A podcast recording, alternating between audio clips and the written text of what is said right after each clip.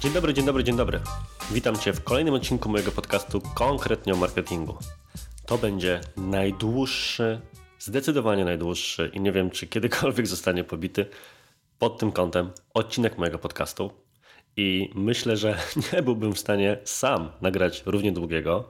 Po prostu jakoś tak nigdy nie potrafię przebić tej bariery gdzieś 50 minut czy godziny. Zawsze staram się dobierać tematy krótsze, ale kiedy trafia mi się tak interesujący gość, to rozmowa płynie, płynie i płynie. Przyjechałem porozmawiać z Marcinem z kliniki.pl, naszym klientem, na godzinę. Spędziliśmy razem około 3 i powstał z tego blisko dwugodzinny materiał, który z przyjemnością prezentuję Ci. Rozmawiamy o bardzo wielu wątkach. Jak powstawał tego typu projekt? Jak konkuruje się z najbardziej znanym portalem w tej branży, oferując nie to samo, ale coś, co ludzie mogą podobnie postrzegać, czy na przykład o takich wątkach jak budowa działu kontentowego i weryfikacja pracy działu kontentowego w tak trudnej branży, jaką jest medycyna. Ja niesamowicie się cieszę, że po pierwsze mamy jako Digitalk takich klientów i po drugie, że mogę z nimi porozmawiać na łamach, na ramach podczas tego podcastu. Mam nadzieję, że ta rozmowa z Twojej perspektywy również będzie wartościowa. To co? Zaczynajmy.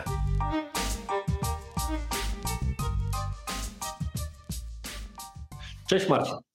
Cześć Artur. Czy zdajesz sobie sprawę z tego, co Ci specjalnie nie powiedziałem przed nagraniem, żebyś był szczerze zaskoczony, że to jest pierwszy odcinek, to jest też informacja dla słuchaczy, pierwszy odcinek konkretnie o marketingu, który ja nagrywam na żywo z gościem. Bardzo się cieszę. No mam nadzieję. Specjalnie mnie wybrałeś do tego odcinka. Oczywiście, wiedziałem do kogo przyjść, bo wiem, że zawsze masz dużo ciekawych informacji i historii, jak tylko do Ciebie przyjdę. Także moi drodzy, pierwszy raz wywiad live. Co będzie dalej? Własne studio, własna stacja telewizyjna. radio, radio. No, nas, radio. Następny etap to kamera. Kamera, o dokładnie. Marketingowy głos. No, w zasadzie dwie kamery. No dwie kamery już można studio na YouTube odpalać, także wiesz, następnym razem, gdy się przyjadę na wywiad, to tu wiesz, z ekipą rozstawimy się, green screen i w tle odpalimy jakieś logo, żeby się obracało, jak w starym sketchu Mana i Materny. E, Marcinie, ty jesteś prezesem, prawda, e, spółki, tudzież powiedzmy, że brand, za brand kliniki.pl. Czy możesz nam powiedzieć coś więcej, czym kliniki.pl są? To jest y, dosyć ciekawy portal. My nazywamy się marketplacem i najlepszym porównaniem do tego, czym się zajmujemy jest Booking.com. Booking.com jest wszystkim znany. Booking.com jest marketplacem branży hotelarskiej, największym na świecie, zostawiającym gigantyczne budżety marketingowe u Google'a. E, my jeszcze jako kliniki.pl nie jesteśmy ani najwięksi, ani zostawiających największe budżety marketingowe. Natomiast jesteśmy marketplacem działającym w branży medycznej, to znaczy łączymy pacjentów e, z placówkami medycznymi, pacjentów komercyjnych, czyli takich, którzy przychodzą i w placówce medycznej płacą. I pewnie e, zastanawiasz się od razu, czy przychodzi Ci do głowy e, inny duży marketplace w Polsce, znany. Nie wiem, czy możemy mówić nazwę. Znany, znany lekarz który jest znacznie więcej, większy od nas i na pewno więcej osób e, go kojarzy niż nas. E, natomiast my się różnimy od znanego lekarza tym, że my mm, zawsze mówimy, że znany lekarz jest lekarzocentryczny, a my jesteśmy placówkocentryczni. My jesteśmy mm, z Twojej branży. Jesteśmy narzędziem marketingowym dla placówek medycznych, bo to u nas mogą budować swój brand, mogą pokazywać się nie jako tylko i wyłącznie miejsce, w którym przyjmują konkretni lekarze, ale pewna instytucja, która gwarantuje dostęp do dobrych lekarzy, niekoniecznie znanych ale też różnimy się od znanego lekarza tym, że u nas większość pacjentów kontaktuje się z placówkami medycznymi nie przez kalendarz online, tak jak jest znanym lekarzu, e, bo de facto znany lekarz ten, e, ten kawałek rynku w Polsce zdominował. Nie chcę mówić, że zmonopolizował, ale na pewno jest tutaj do, dominujący. E, natomiast nasi pacjenci dzwonią, dlatego że my umawiamy na bardzo konkretne procedury medyczne. To znaczy, jak sobie wejdziecie na znanego lekarza, tam się umawiacie zazwyczaj na konsultacje. Do nas pacjenci dzwonią, kiedy już mają konkretny problem, chcą zrobić konkretny zabieg, konkretną, e, e, kon, konkretnie się zbadać, bo też mamy sporo diagnostyki obrazowej. E, I zazwyczaj taki pacjent jest bardziej, nie chcę, żeby to zabrzmiało źle, ale po prostu bardziej ciekawy tego, co się będzie działo. Jeżeli ja chcę się umówić na operację przepukliny, to nie umówię się na konsultację, bo chciałbym wiedzieć, czy tą operację dana placówka mi przeprowadzi, z czym to się wiąże, co ja muszę przynieść na konsultację. Tego zazwyczaj od formularza online się nie z formularza online się nie dowiemy. Dlatego nasi pacjenci głównie dzwonią, a my jako kliniki.pl jesteśmy w stanie te wszystkie rozmowy przeanalizować i wyciągnąć z nich sedno, czyli to, czy pacjent się umówił, w jakim kierunku, do jakiego lekarza, w jakim terminie, jaka jest cena danej usługi. Czyli jesteśmy takim trochę marketplace'em starej daty, można by tak powiedzieć, bo mhm. E, online'owo pokazujemy placówki medyczne, ale ludzie łączą się z tymi placówkami zazwyczaj przez telefon. Rozumiem. To trochę uprzedziłeś moje pytanie. W sensie częściowo na nie odpowiedziałeś, ale ja je i tak zadam, bo może masz przygotowany jeszcze jakiś inny punkt, który się do tego bezpośrednio odniesie. Bo jednym z moich absolutnie ulubionych pytań to czy właśnie w takim wywiadzie jak z tobą, czy kiedy rozmawiam na przykład z nowymi klientami e, u nas, to jest pytanie, co robicie inaczej albo lepiej niż bezpośrednia konkurencja. Co w ogóle na marginesie mówiąc jest pytaniem, które przeważnie demontuje połowę firm w tym kraju, bo okazuje się, że nikt sobie go tak naprawdę na poziomie strategii komunikacji nie zadaje. Więc troszkę powiedziałeś, że jest to forma kontaktu, tak? czyli to, no ten podstawowy punkt różnicujący, że wy jesteście dla klinik, tak jak znany lekarz jest po prostu dla pacjentów indywidualnych i trochę lekarzy, więc to rodzi moje takie trochę pytanie uzupełniające, że pozwolisz, że tak sobie to rozwinę, czyli z Twojej perspektywy jako obserwatora i znawcy tego rynku medycznego, pacjent bardziej umawia się do konkretnej kliniki czy do konkretnego lekarza?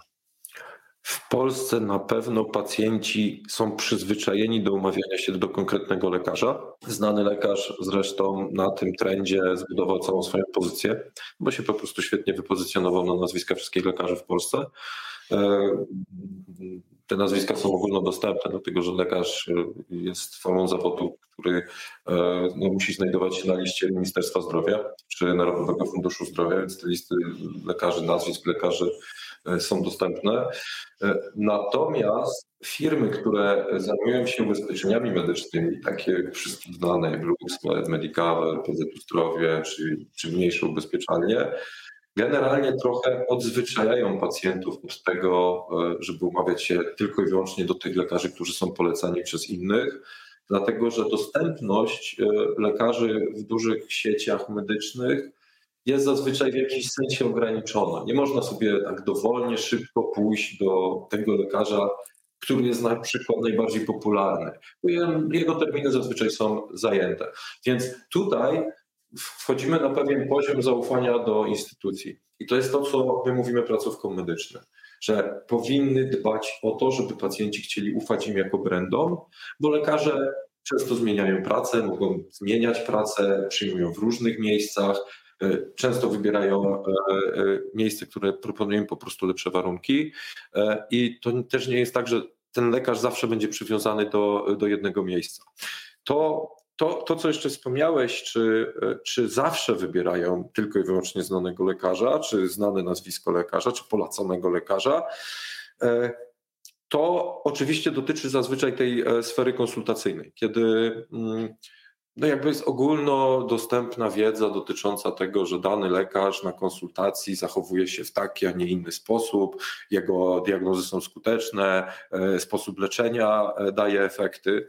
Natomiast e, w związku z tym, że my obsługujemy ponad 6 tysięcy procedur medycznych, często jest tak, że one są nieprzesadnie częste. To znaczy, jeżeli dzisiaj szukasz powiedzmy operacji przepukliny, to to jest powszechny zabieg. Natomiast w medycynie są takie zabiegi, których wykonuje się kilkaset, kilkadziesiąt, kilka tysięcy rocznie, a nie setki tysięcy, czy nie nawet jak konsultacje, nie wiem, internistyczne pewnie miliony, e, e, miliony razy. Więc e, w takiej sytuacji czasami po prostu ciężko znaleźć opinię, że dany lekarz jest świetnym w zakresie danego typu procedury medycznej i wtedy e, zazwyczaj liczą się inne rzeczy, takie jak właśnie prestiż placówki, jak e, ogólna opinia o lekarzach, którzy, e, którzy tam przyjmują. Czy czasami tak prozaiczne rzeczy, jeżeli mówimy o tej w ogóle sferze komercyjnej e, służby zdrowia, jak cena, bo też to nie, to nie jest tak, że to jest jakiś standard cen, e, jeżeli chodzi o konkretne procedury medyczne. Część zabiegów w jednej placówce jest droższa, a inne będą tańsze i czasami dla pacjenta to jest, to jest najważniejsze. Dlatego, że pacjent, kiedy musi zapłacić za jakąś e, usługę medyczną, no to też waży, jaki będzie ten koszt do jego portfela. Nie jest tak, że ta dostępność y, komercyjnej służby zdrowia, szczególnie zabiegowej w Polsce jest y, jeszcze jakaś powszechna. To tutaj mówimy o, często o operacjach czy zabiegach, które kosztują kilka, kilkanaście tysięcy złotych.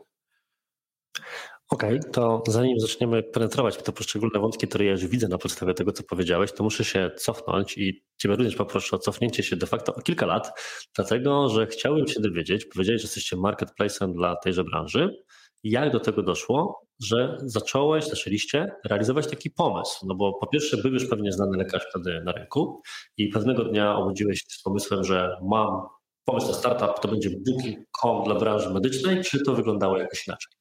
To muszę e, tutaj sprostować. Ja e, nie wymyśliłem e, klinik.pl.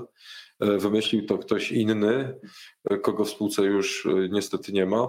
Spółka ma dosyć długą historię bo zaczynała 8 lat temu, e, więc wtedy znany lekarz jeszcze nie był e, tak duży, jak jest dzisiaj. Więc też jakby trochę łatwiejsze tutaj dla e, Rafała i Darka, którzy zakładali ten biznes, było myślenie o marketplace w branży medycznej.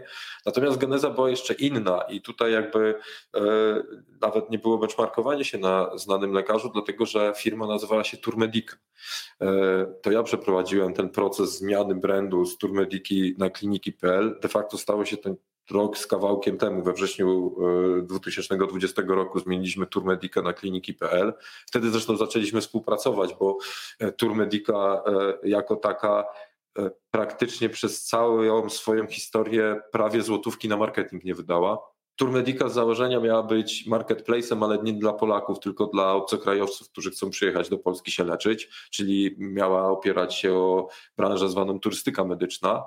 E, natomiast zupełnie przez przypadek chłopakom wyszło to tak, że więcej Polaków się przez Turmedikę w Polsce umawiało niż, nie wiem, Anglików, Brytyjczyków, Anglików, e, Niemców czy Szwedów. Ja oczywiście tę historię pamiętam, ale staram się postawić wiesz, w sytuacji kogoś, kto jej nie zna, żeby mhm. uzupełnić ewentualnie perspektywę naszego słuchacza, że rynek docelowy, tak to nazwijmy, czy grupa docelowa była zupełnie inna i zaczęli się rejestrować, jak powiedziałeś, Polacy, ale to chyba nie był wystarczający bodziec do aż tak daleko idącej zmiany, prawda? Czyli, bo wiele startupów, które znam, na przykład dalej pewnie trzymałoby się swojego podstawowego pomysłu, że hej, co prawda Polacy się rejestrują i mamy takich klientów, ale mimo wszystko naszym fokusem, pomysłem od zarania dziejów jest to, żeby przybywać tych pacjentów z zagranicy i zdając życie, brnęliby w to dalej. Natomiast ty i pozostałe osoby zaangażowane stwierdziłeś, stwierdziliście, że należy ten kierunek zmienić. Co takiego się działo na przykład, że stwierdziłeś, że tą dobrą decyzją będzie właśnie totalna zmiana na właśnie fokus na kliniki.pl, rebranding i trochę inny rynek docelowy czy produkt sam sobie. Wiesz co, to, to jest tak, że e, jeżeli 95% Twojego ruchu i przychodów jest już generowanych przez Polaków, to to jest ten moment, w którym e, musisz dokonać tego klasycznego pivotu. To znaczy, e, nie możesz skupiać się na tych 5%, których de facto nie ma, bo, bo okazuje się jeszcze, że to 5% to de facto to też nie jest turystyka taka klasyczna medyczna, gdzie obcokrajowiec przyjeżdża, nie wiem, w tańsze miejsce, czy miejsce, które ma lepszą obsługę klienta, żeby coś tutaj zrobić w zakresie leczenia, czy, czy, czy w ogóle jakichś usług medycznych. E, bo tutaj ta turystyka medyczna to głównie byli Polacy, którzy mieszkają za granicą i po prostu przyjeżdżając, nie wiem, na wakacje czy na święta do rodziny, przy okazji robią zęby, robią jakieś zabiegi medycyny estetycznej, czy po prostu się leczą.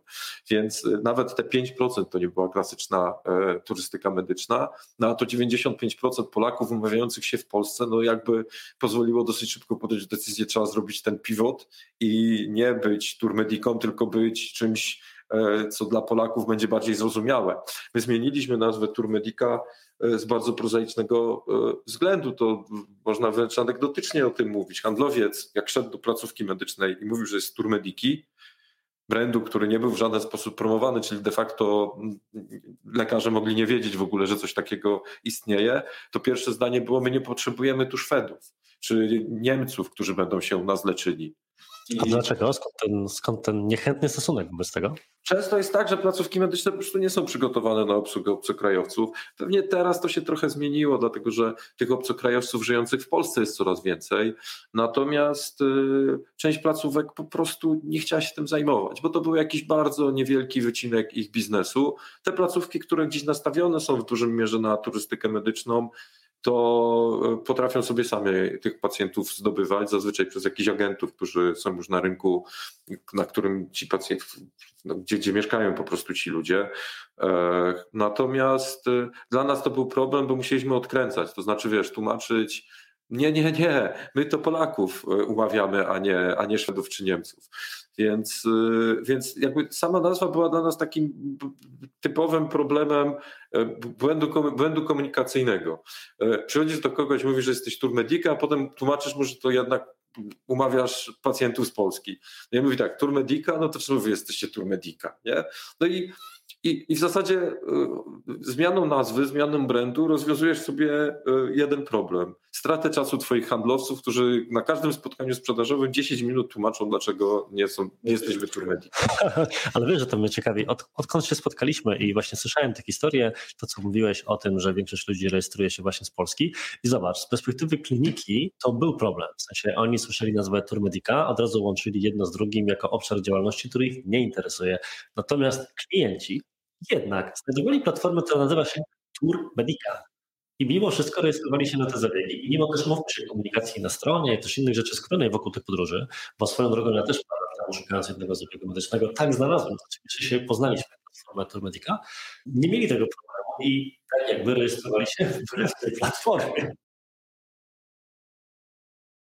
nie zwracali, tak jak mówisz, nie, pacjenci w sensie nie zwracali uwagi na, na ten brand, że to jest Turmedica. Być może w jakiś sposób taki nieuświadomiony, być może też jest tak, że jak masz stronę po polsku, gdzie są po prostu profile placówek medycznych, wszystko jest dokładnie opisane w znanym ci języku, to jakby twoja percepcja nie pozwala ci gdzieś tam dojść do wniosku, że być może robisz coś źle i że to nie jest to miejsce. Nie? Natomiast, y, natomiast jakby dla nas to był, to był duży problem. W sensie taki, e, wiesz, My mamy, e, tak jak już zresztą powiedziałem, e, tak nagrywamy wszystkie rozmowy pacjentów z placówkami i potem jest narzędzie, które to analizuje, wypluwa nam informacje dotyczącą, co się tam zadziało.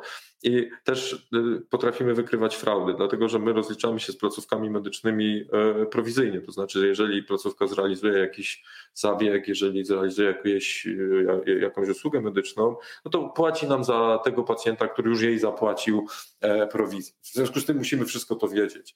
Natomiast z tych rozmów, które nagrywaliśmy. Placówki, e, no nieczęsto, bo my e, raczej współpracujemy z klientami, z którymi się szanujemy. Natomiast e, no, zdarzają się sytuacje, w których placówka chce nas ominąć. No i na przykład były takie argumenty. Odbiera recepcja placówki telefon, wie, że to jest od nas, no bo tam gdzieś się identyfikuje jako od nas i pyta pacjenta, czy nie może zadzwonić na inny numer. Pacjent się pyta, ale o co chodzi? No bo tutaj to będzie drożej z tego numeru, a poza tym to jest miejsce, w którym oni umawiają pacjentów zagranicznych, a nie Polaków, więc proszę zadzwonić na inny numer żeby nas ominąć. Więc nawet e, ci, którzy próbowali zareagować, e, wykorzystywali naszą nazwę. Nie? Mówiąc, no wie pani, no Tour Medica to, to oni obcokrajowców umawiają, a pani jest Polski.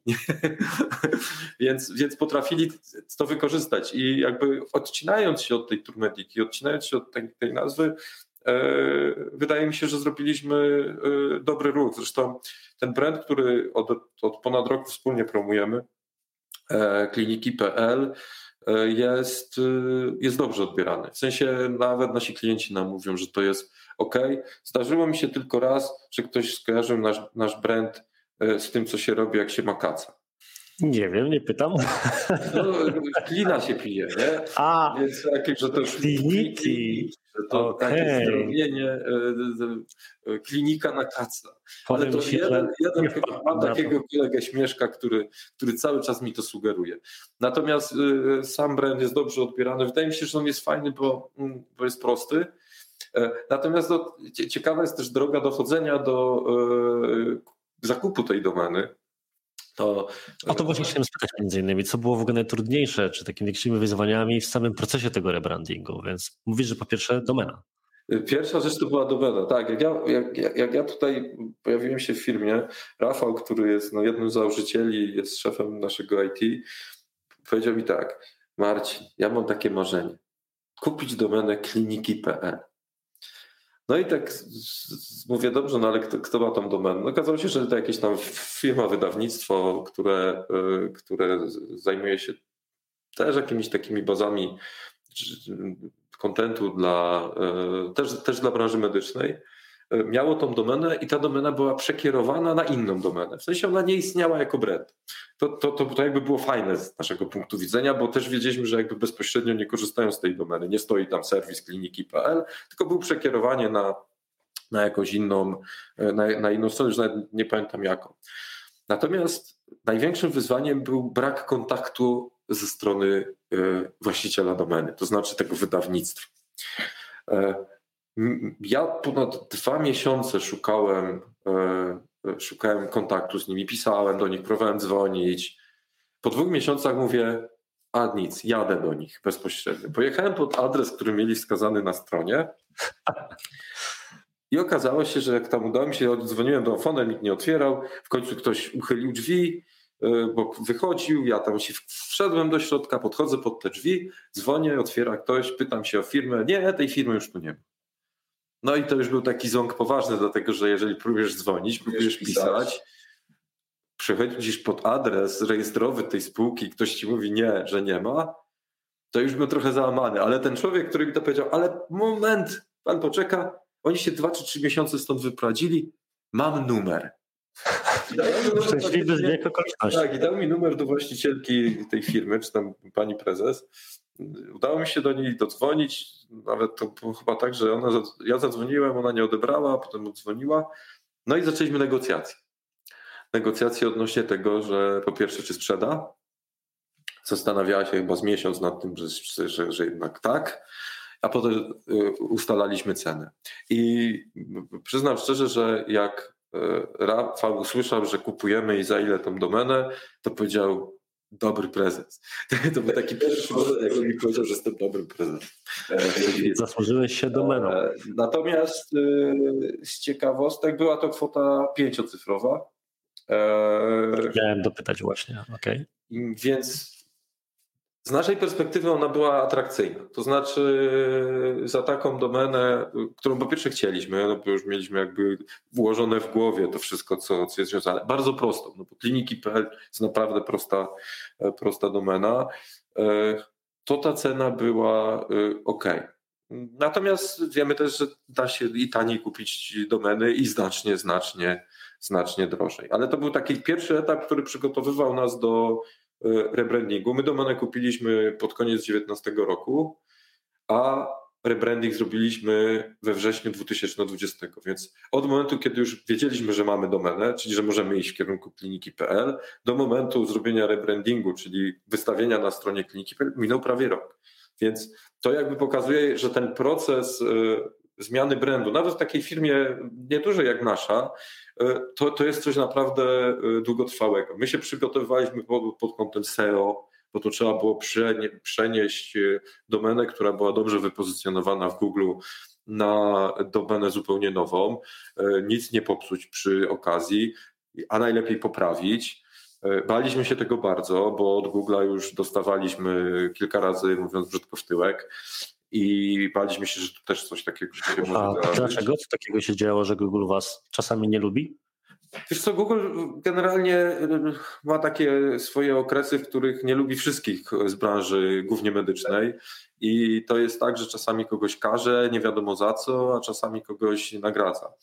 Znamy to z reklam Google Ads. Jak już trochę też zaczynałem mówić o reklamach, to też doskonale wiecie, pracując z nami, że branża medyczna do reklamowania w Google czy nawet na Facebooku, który jest trochę łatwiejszy, nie jest, nie jest najprostsza, dlatego że jest bardzo dużo obostrzeń związanych przede wszystkim e, z niegodzeniem w ludzką godność. Czyli nie możesz człowiekowi powiedzieć schudnij, bo to może go obrazić, prawda?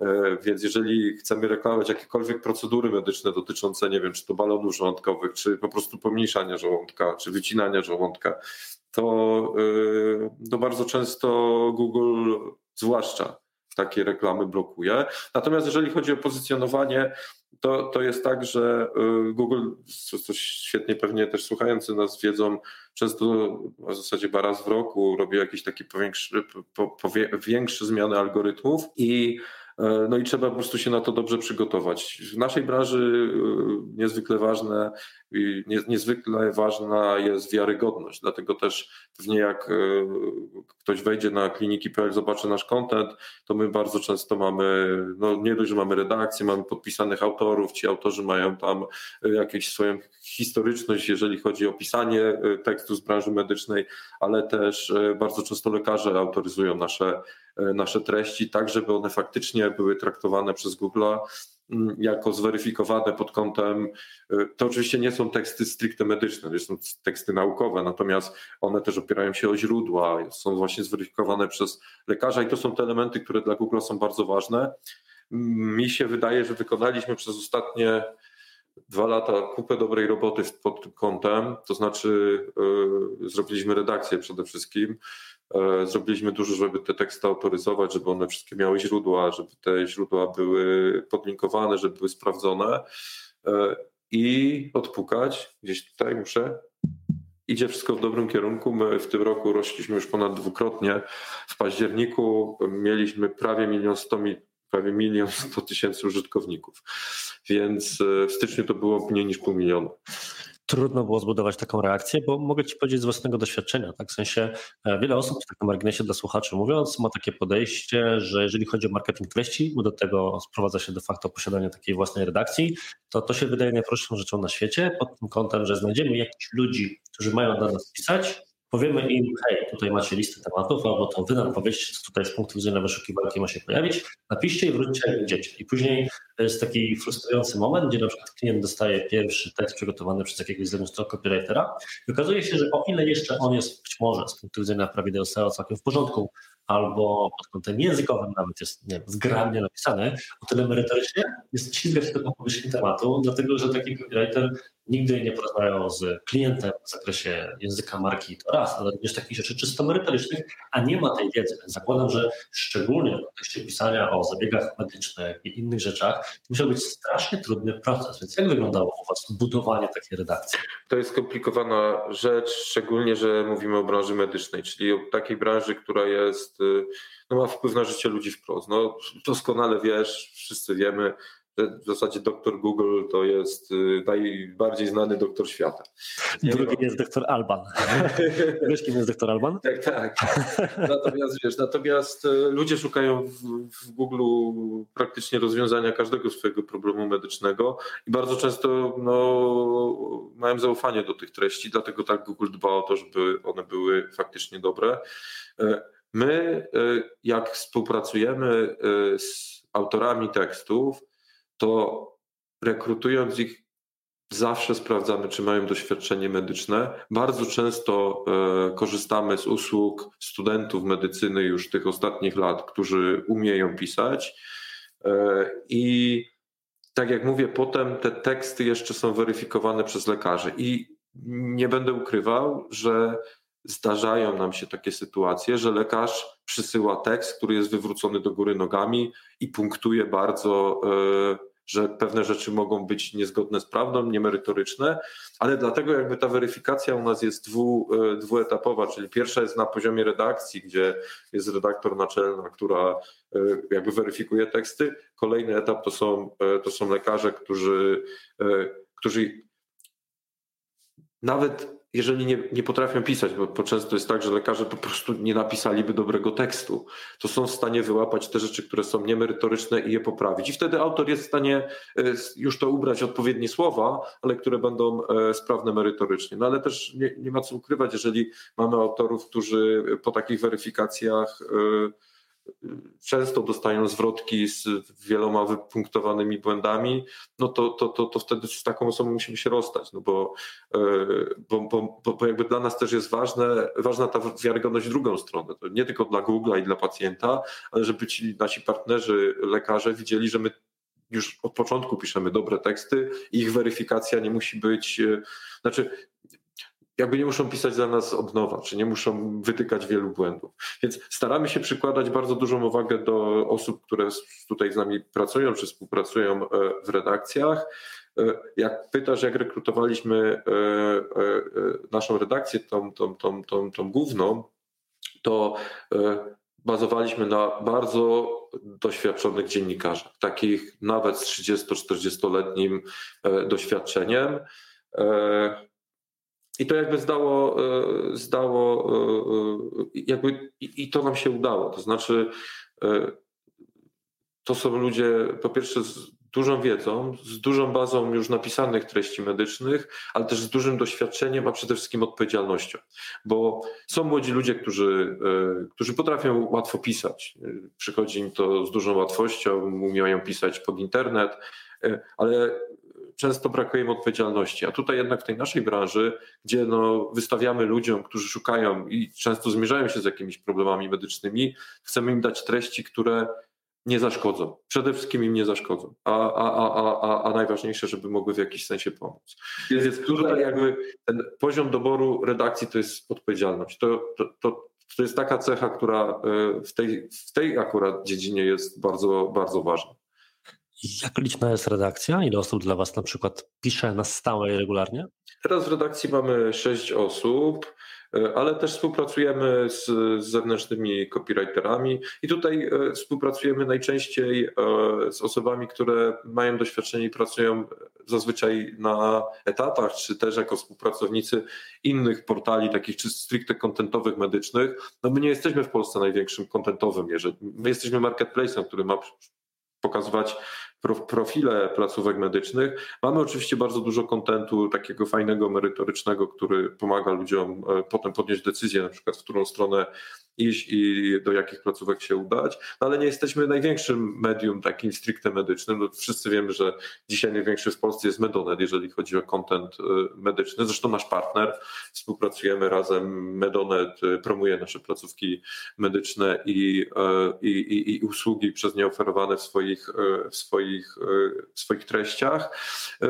I, I to jest tak, że, że, że często ci ludzie, którzy piszą czy dla nich, czy, czy, czy, czy gdzieś indziej, my też korzystamy e, z ich wiedzy i też czasami prosimy o napisanie jakiegoś tekstu, dlatego że w tej branży jest tak, że nie każdy może napisać wszystko.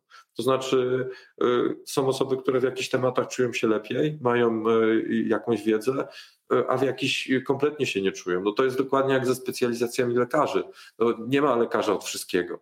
E, znaczy jest e, lekarz rodzinny, ale on generalnie kieruje potem do innych do innych fachowców, prawda?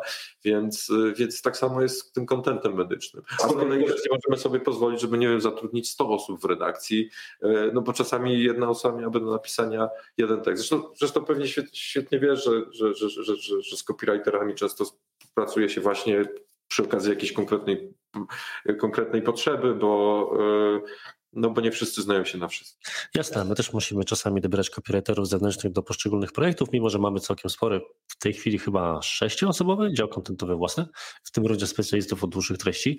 Natomiast właśnie z uwagi na to, jak wiem, jak ciężkie jest to, żeby dobrać copywritera, który czuje jakiś temat, ma wiedzę w tym temacie, albo wie też jak ją pozyskać i potrafi z kimś rozmawiać, zadałem Ci to pytanie, bo próbuję sobie wyobrazić, ile w takim razie, biorąc pod uwagę tę dwustopniową weryfikację, trwa u Was proces pracy nad pojedynczym artykułem. To akurat idzie wyjątkowo sprawnie. To znaczy, ja nie powiem, że jesteśmy w stanie w dzień napisać y, coś, co my nazywamy huby. To są takie teksty bardziej rozbudowane, dotyczące konkretnych procedur medycznych, gdzie opisują, e, czym jest dana procedura, e, jak się ją leczy, co się stosuje, jakie mogą być objawy, e, jakie mogą być powikłania i tak dalej. E, natomiast e, raczej staramy się, żeby kontent, który ma być wyprodukowany, e, jego produkcja nie trwała dłużej niż tydzień. To dba o, tym, dba o to cały dział kontentu i marketingu. Natomiast u nas ważniejsze to nie jest jakby czas, który potrzebujemy na napisanie treści. My nie jesteśmy portalem newsowym, że potrzebujemy nie wiem, 10, 20, 30 newsów dziennie i to, to jest cel.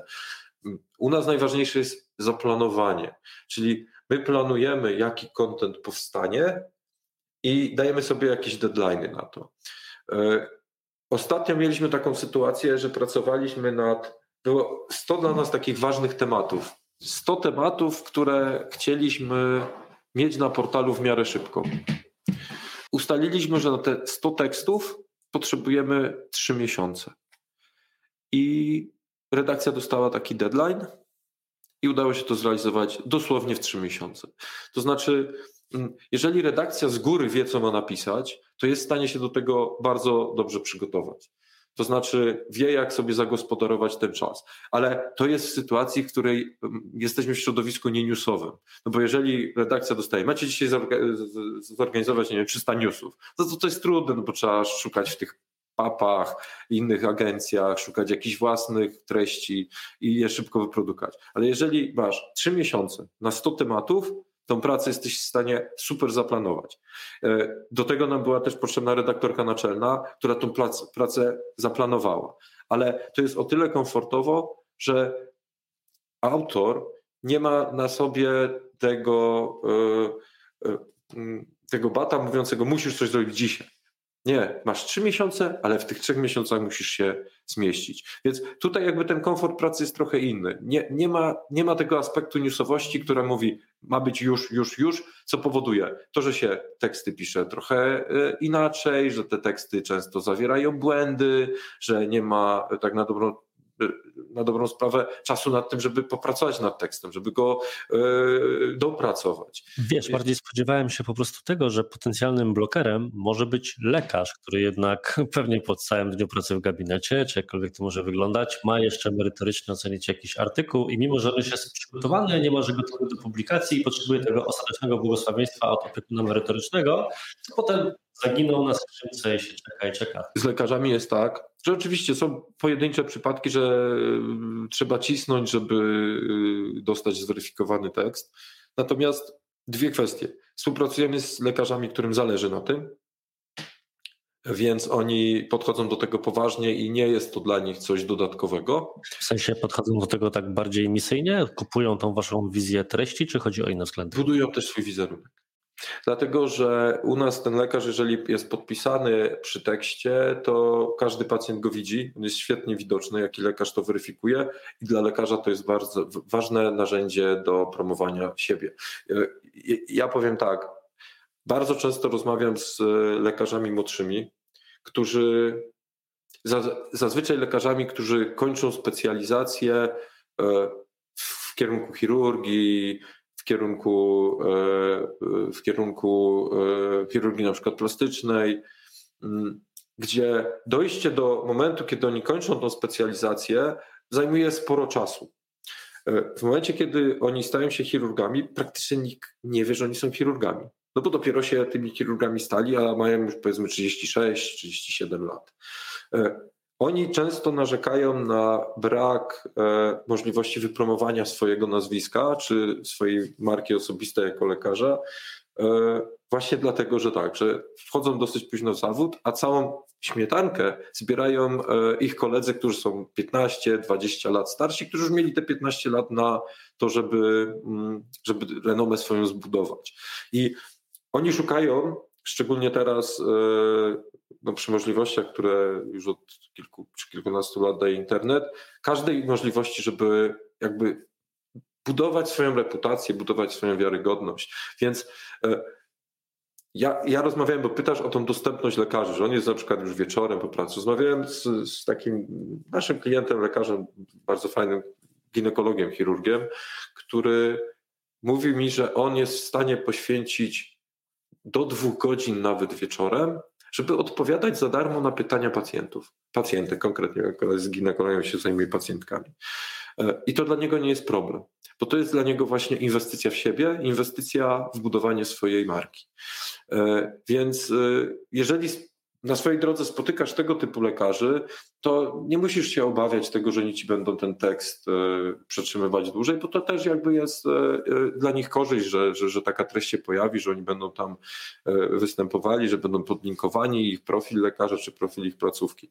Więc, więc raczej staramy się tak, żeby to, to zawsze było win-win. Win dla nas, win dla, dla osoby, która to, ten tekst autoryzuje. Zmieniając trochę wątek, w jaki sposób pozyskiwaliście i pozyskujecie kliniki do współpracy? No tutaj zawsze są w marketplace'ach podejścia dwa, jajko czy kura. My zaczęliśmy zupełnie w inny sposób e, niż znany lekarz. Znany lekarz, to pewnie wszystkim jest e, wiadome, najpierw zbudował bazę, znaczy ściągnął bazę lekarzy, wrzucił lekarzy w postaci ich profili i pozwalał ludziom ich oceniać. I dzięki temu zbudował sobie dosyć dużo e, ruchu, takiego czysto kontentu, e, opinie dotyczące lekarzy. Stał się w ten sposób największym medium w Polsce, jeżeli chodzi o ten zakres. Potem dobudował do tego sobie model biznesowy. I tam pojawiły się też placówki medyczne, które są trochę mniej promowane, w zasadzie zdecydowanie mniej niż konkretni lekarze. I tutaj zaczęła ta historia się zupełnie inaczej, bo tutaj uznano, że portal wystartuje, jak będą pierwsi klienci. I tych klientów było na początku niedużo. Mam powiedzmy 10, 20, 30 placówek medycznych i wszyscy, no, wszystkie nowe placówki pojawiały się jako pozyskani klienci, czyli tak naprawdę jako płatnicy. Czyli nie był to ten model, że najpierw budujemy trafik, jak znanym lekarzu, a potem się wymyśli model biznesowy, tylko taki, że model biznesowy to jest pozyskiwanie płacących klientów. To muszę się od razu wtrącić. To jak wyglądała rozmowa z kliniką, do której poszliście i powiedzieliście: Hej, mamy taką placówkę. Co prawda, nikogo tam jeszcze nie ma, kto mógłby się do Was zapisać, ale hej, zapłaćcie nam tutaj, żeby się na nie pojawić. Nie, to, to, to też nie było tak, dlatego że e, równolegle z tym procesem pozyskiwania placówek był budowany content i platforma się pozycjonowała, więc jak pojawiali się pierwsi klienci, to nie był portal, gdzie było zero ruchu, tylko był już jakiś ruch zbudowany na kontencie. Natomiast nie zapominajmy, że to miały być placówki dla e, pacjentów zagranicy. Więc to też pozyskiwanie tych pierwszych klientów inaczej wyglądało, bo oni spodziewali się, że to przyjdą do nich pacjenci z zagranicy. Więc oni też nie patrzyli na ten trafik w Polsce, y, bo tak na dobrą sprawę. 95% Polaków. Tak, ale tak na dobrą sprawę wiesz, oni myśleli, nie jest ważne, ile macie trafiku, ważne, żebyście dali tych, tego pacjenta z zagranicy, nie? Więc, więc to, to, to, trochę na początku wyglądało inaczej. Potem oczywiście, jak już się zrobił ten switch czy pivot na e, pacjentów z Polski, to, to już było trochę łatwiej, bo portal już miał coraz większy ruch, więc ci klienci byli e, no, no jakby widzieli, że jest jakiś ruch na portalu, że jest trafik, że są tam pacjenci, że są inne placówki medyczne, być może często konkurencyjne dla nich, więc, więc chciały być. Natomiast e, my tak doczłapaliśmy z tymi klientami e, do tego 19 roku, tyle tylko, że z bardzo e, dziwnym modelem biznesowym. Teraz jesteśmy na takim etapie, że o ile płacących klientów mamy ponad 500, czyli tych, którzy faktycznie e, rozliczają się z nami abonamentowo i prowizyjnie, bo tutaj mamy taki hybrydowy moduł, że jest niski abonament za posiadanie profilu, czyli ten taki element, nazwijmy to reklamowy, no tak, tak jakbyś kupił sobie, nie wiem, wizytówkę, ulotkę, gdziekolwiek, to tak traktujemy nasz profil e, i ten abonament za niego. Natomiast prowizja jest za wszystkie rozliczone, wszystkie zrealizowane usługi danej e, placówki. To jest model, który istnieje teraz, ale my poza tymi płacącymi klientami mamy w tym momencie e, na stronie prawie 10 tysięcy placówek medycznych, bo można być na kliniki.pl nie płacąc ani abonamentu, ani nie podpisując z nami umowę tej, e, tej abonamentowo-prowizyjnej, uznaliśmy, że wprowadzimy taki prosty profil, który oczywiście ograniczoną ma widoczność dla, e, dla pacjentów, ale który pozwala każdej placówce, polskiej placówce, e, być na klinikach.pl. Dlaczego? Zrobiliśmy to dlatego, że chcemy, żeby kliniki.pl były miejscem, w którym pacjent znajdzie każdą placówkę medyczną w Polsce. To jest jakby nasz taki, taka nasza misja, cel e, dzisiaj główny. I pytałeś o to, jak pozyskujemy, czy jak pozyskiwaliśmy placówki medyczne. Oczywiście yy, najczęściej to są yy, działania robione przez naszych handlowców, czyli kontakt bezpośredni. E, i w ten sposób pozyski, pozyskanie klienta. E, oczywiście zbieramy też lidy, no bo e, jakby pozycjonujemy się, zresztą też prowadzicie dla nas reklamy czy kampanie do, do, do, dotyczące bezpośrednio tego obszaru B2B, czyli pozyskania placówek medycznych ale teraz dzięki tym darmowym profilom zauważamy, że placówki po pierwsze zaczynają nas zauważać, że jesteśmy na rynku, że ten profil mają, oni mogą przejąć ten profil, mogą z nim zarządzać, mogą dodać tam zdjęcia, mogą zmienić opis, mogą dodać lekarzy. i często zgłaszają się, żeby zostać naszym klientem, no bo widzą, że ta widoczność tego darmowego profilu jest ograniczona i nie znajdują się przede wszystkim na tych indeksach, gdzie są procedury medyczne. Dlatego, że bardzo istotnym elementem w klinikach PL dla pacjenta są cenniki wszystkich procedur medycznych w danej placówce medycznej. Czyli u nas, jeżeli pacjent wejdzie na kliniki PL, znajdzie wszystkie procedury i ceny, które wykonuje dana placówka. Czyli jeżeli chcę zrobić operację przepukliny, mogę przyjść na kliniki.pl, zobaczyć w Warszawie czy w Łodzi, jakie placówki robią operację przepukliny i ile ona będzie kosztowała. Więc, więc to jest bardzo istotne. Te placówki, które mają darmowy profil, tych cenników nie mają, więc tutaj jakby pacjent się e, od tego odbija. E, to, co jest e, jeszcze istotne i to, co, to, co powiedziałem, do połowy 2009 roku mieliśmy taki model biznesowy, który wynikał z wielu prób podejmowanych żeby, żeby dojść do tego właściwego. I mieliśmy i klientów, którzy płacili tylko abonament, mieliśmy klientów, którzy byli tylko na prowizji, mieliśmy klientów, którzy płacili i to, i to. I my podjęliśmy decyzję, że ten ostateczny e, model biznesowy ma być taki hybrydowy, czyli niski abonament i prowizja od wykonywanych usług, ale wszystkich, wszystkich zabiegów, niezależnie czy one kosztują 100 zł, 200, 500 czy 10 tysięcy.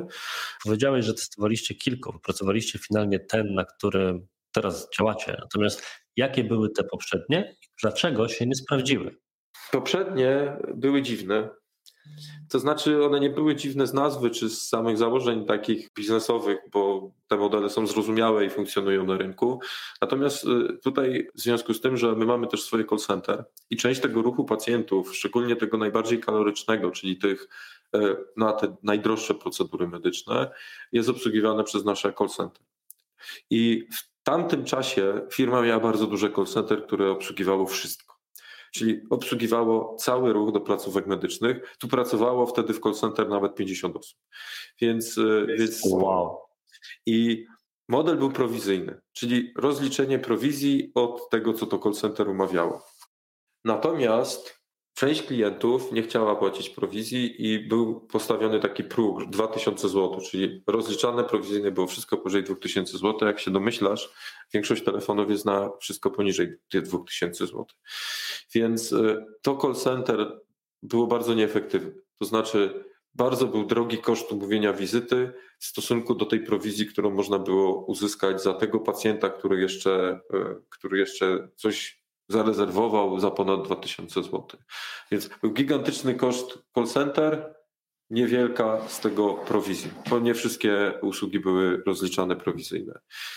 Więc y, call center zostało bardzo mocno ograniczone. My teraz mamy call center, który składa się z kilku osób faktycznie obsługuje tylko tych pacjentów, którzy potrzebują takiego zaopiekowania, czyli naprawdę mają albo duży problem medyczny, dużo pieniędzy muszą wydać e, i dobrze jest, żeby ta ścieżka ich e, od pierwszego telefonu do tego, co się dzieje potem, to często są jakieś e, kilka konsultacji kończące się zabiegiem, potem jest jakaś opieka jeszcze po tym zabiegu, więc do tego wykorzystujemy nasze call center. Natomiast wprowadziliśmy a w zasadzie wprowadziłem, e, a panowie z IT naszego to zrealizowali, narzędzie automatycznego sprawdzania, co się dzieje w telefonach. Tu była podjęta taka decyzja e, przed 2019 rokiem, że w związku z tym, że to call center, to duże call center było nieefektywne, to najlepiej jest zmienić ten model nie z prowizyjnego na abonamentowy. Czyli wprowadzić wyższe abonamenty, ale nie rozliczać się z niczego prowizyjnie. I to, co zmieniliśmy w 2019 roku, to zbudowaliśmy narzędzie informatyczne, cyfrowe, które pozwala nam rozliczać się dzisiaj z każdego telefonu. Bez użycia call center, bez użycia e, bardzo wielu osób, które, e, które będą ten, ten, ten ruch telefoniczny obsługiwały. I dzisiaj dzięki, dzięki temu rozwiązaniu my tak naprawdę wróciliśmy do tego modelu prowizyjnego, czyli wszystko to, co idzie w telefonach, rozliczamy prowizyjnie i dodaliśmy ten niski abonament za widoczność po prostu na serwisie i y, posiadania ładnego profilu, bo też trzeba sobie powiedzieć i to tak nieskromnie powiem, wydaje mi się, że te profile placówek medycznych na kliniki.pl to jest taki dobry standard. My też zresztą sobie e, tutaj postawiliśmy taką misję czy cel, żeby placówka medyczna traktowała profil na kliniki.pl jako swoje najważniejsze miejsce w sieci. To jak byś pochodził po, ja robię sobie czasami taką pracę domową, jak mam czas, że sprawdzam strony internetowe naszych klientów i sobie notuję różne uwagi, co tam jest na tych stronach, czego brakuje, co powinno być, a co robią źle, a co robią dobrze. To oczywiście są w Polsce szczególnie dobre, duże, prywatne placówki medyczne. Często nasi klienci, którzy mają bardzo fajne strony internetowe, ale najczęściej strony internetowe placówek medycznych są fatalne. Jest tam bardzo mało informacji. Są robione e, jako efekt współpracy z dużymi firmami, które dostarczają oprogramowanie medyczne i których jednym z modułów zbudowanych w latach 90. było coś jak odpal stronę internetową. E, więc te strony są e, fatalne funkcjonalne, informacyjnie, niedostosowane do żadnych potrzeb, szczególnie e, zasad horyzontalnych Unii Europejskiej, czyli tego dostosowania, czy to dla niepełnosprawności, czy ludzi niedowidzących, czy, czy, czy, czy, czy, czy, czy, czy w ogóle jakichkolwiek standardów projektowania. A część placówek ma bardzo ładne strony, przynajmniej tak wyglądają, które są totalnie niefunkcjonalne. I, I dlatego e, wydaje mi się, że ten standard profilu na kliniki placówki medycznej jest o tyle dobry, że po pierwsze, Każda placówka ma bardzo podobny profil, w sensie opis jest inny, inne są zdjęcia, ale de facto można go łatwo zeskanować w ten sam sposób, czyli porównać już te, te placówki. Po drugie, jest tam bardzo dużo informacji, których można się dowiedzieć o placówce. Po trzecie, jest unikalny. To znaczy, my nie przypisujemy stron klientów, my dowiadujemy się od klientów, czym oni się zajmują, w czym się specjalizują, jakich pacjentów najbardziej lubią przyjmować, w sensie z tych usług, które y, im dostarczają w ramach y, komercji y, i ten profil jest tworzony indywidualnie. Więc warto tutaj do nas zajrzeć, żeby zobaczyć naprawdę fajnie zrobione e, profile placówek, e, placówek medycznych. To możecie Ci powiedzieć, że wiem o czym mówisz, bo dosłownie dzisiaj, to jest totalny przypadek, niepowiązany z tym, że byliśmy omówieni. Byłem na stronie jednej placówki Kliniki Medycyny Estetycznej, popatrzeć sobie, jak wyglądają pewne ceny, no bo wiesz, wiek niestety mhm. coraz przydałby się tu jakiś potoks, albo ostatnio się dowiedziałem o istnieniu karbo czegoś tam, generalnie dwutlenek węgla pod skórę, więc nie brzmi to dobrze. Bardzo popularne. Tak, tak, tak, więc nie brzmi to dobrze, nie brzmi to przyjemnie, ale podobno skuteczne. Jak ktoś tutaj będzie chciał, to przez kliniki.pl może sobie na pewno znaleźć, ale właśnie wystarczyło wejść na jedną z klinik w Toruniu, akurat zakładkę oferta i chcąc znaleźć ten zabieg, to musiałem sobie w końcu użyć komand F i wpisać nazwę tego zabiegu, bo inaczej dostałem taką tabelkę, zbitą na jakieś 20 ekranów, która wyglądała jak przyklejka z Worda, tylko tło inne, bo to była strona internetowa. Więc zakładam, że to jest coś, czym mierzysz się na co dzień. I ja też przeglądając różne strony usług, mamy 20, 2021 rok, końcówkę, strony internetowe niektóre dalej wołają tak, że lata 90. proszą, żeby im oddać design. Natomiast ty zacząłeś, ja ci totalnie przerwałem, nie chciałem puścić tego motywu, za co przepraszam, ale myślę, że to z korzyścią dla naszego odcinka o koronawirusie. Przygotowaliście się pięknie rebranding z jednej strony. Handlowcy chodzą, już nie mają problemu, że sprzedają turnikę i muszą to tłumaczyć. Z drugiej strony nowy model rozliczeń, wszystko gotowe i nagle pojawia się koronawirus, który tak jak mówisz, branżę dotknął jak? To jest ciekawy wątek, bo tak jak już wspomniałem, my się zajmujemy komercyjną służbą zdrowia, czyli tą, gdzie pacjent przychodzi i płaci. I e, ten początek pandemii, to był tam koniec marca, początek kwietnia, e, to wygląda tak, że wszyscy nasi klienci, no może nie wszyscy, 80% się zamknęło. Przestała przejmować pacjentów. To, to dla nas to był totalny szok, bo jak nie ma pacjentów, to wtedy pacjenci nie płacą, a klienci nie płacą nam prowizji. E, moje call center e, wtedy nie umawiało wizyt, tylko je odwoływało. Czyli dzwonili z drugiej strony pacjenci, którzy nie chcieli iść do placówki medycznej. Czyli nawet jak się placówka nie zamknęła, to bardzo często pacjenci rezygnowali z jej usług, bo się po prostu bali. Ale e, to wszystko zmieniło się w lipcu. E, w zasadzie od połowy maja e, te lockdowny trochę zaczęły być luzowane. Mówimy o 2020. W 2020 roku. Placówki powolutku zaczęły, że tak powiem, startować. Ci ludzie, którzy byli umówieni w tym okresie, kiedy były zamknięte, no zmieniali, zaczęli się znowu pojawiać, a od lipca, kiedy tam już wtedy w Polsce w 2020 roku te, te, tego lockdownu nie było praktycznie, e, no zaczęli, zaczęli się umawiać. I tak jak wakacje były takim okresem zawsze w tej naszej branży komercyjnej, medycznej słabsze, to no się okazało, że one jakby są lepsze niż były, niż były przed pandemią, bo ludzie po prostu jakby musieli odrobić zaległości. Czyli to, czego nie zrobili w tym drugim, drugim kwartale roku, zaczęli robić wakacje. Wtedy też zobaczyliśmy, że sporo naszych rodaków, tych, którzy e, za granicą mieszkają, było poumawianych w drugim kwartale na różnego rodzaju zabiegi też przyjeżdżają. Nawet robiliśmy takie badanie, tutaj e, wspólnie publikowaliśmy wyniki z Neohospitalem, szpitalem na klinach z Krakowa odnośnie właśnie tych migracyjnych rzeczy z zagranicy, jak to wyglądało w roku pandemicznym i tu właśnie wakacje to był taki boom, gdzie zawsze wakacje to, to nie były najlepsze miesiące, jeśli o to chodzi.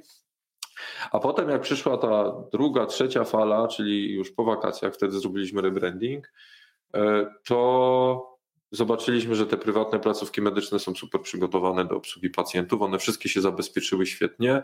One przygotowały się, jeżeli chodzi o te wszystkie kwestie higieniczne, o te kwestie dotyczące e, wymogów sanitarnych i żadna praktycznie, może pojedyncze sztuki i to zazwyczaj związane z tym, że na przykład ktoś ze stafu musiał trafić na kwarantannę i wtedy jak jest placówka, w której jest, nie wiem, 15 pracowników, to wszyscy poszli na kwarantannę, musieli się na dwa tygodnie zamknąć, ale praktycznie nie było już fali zamykania tych placówek. Widać było, że one normalnie funkcjonują.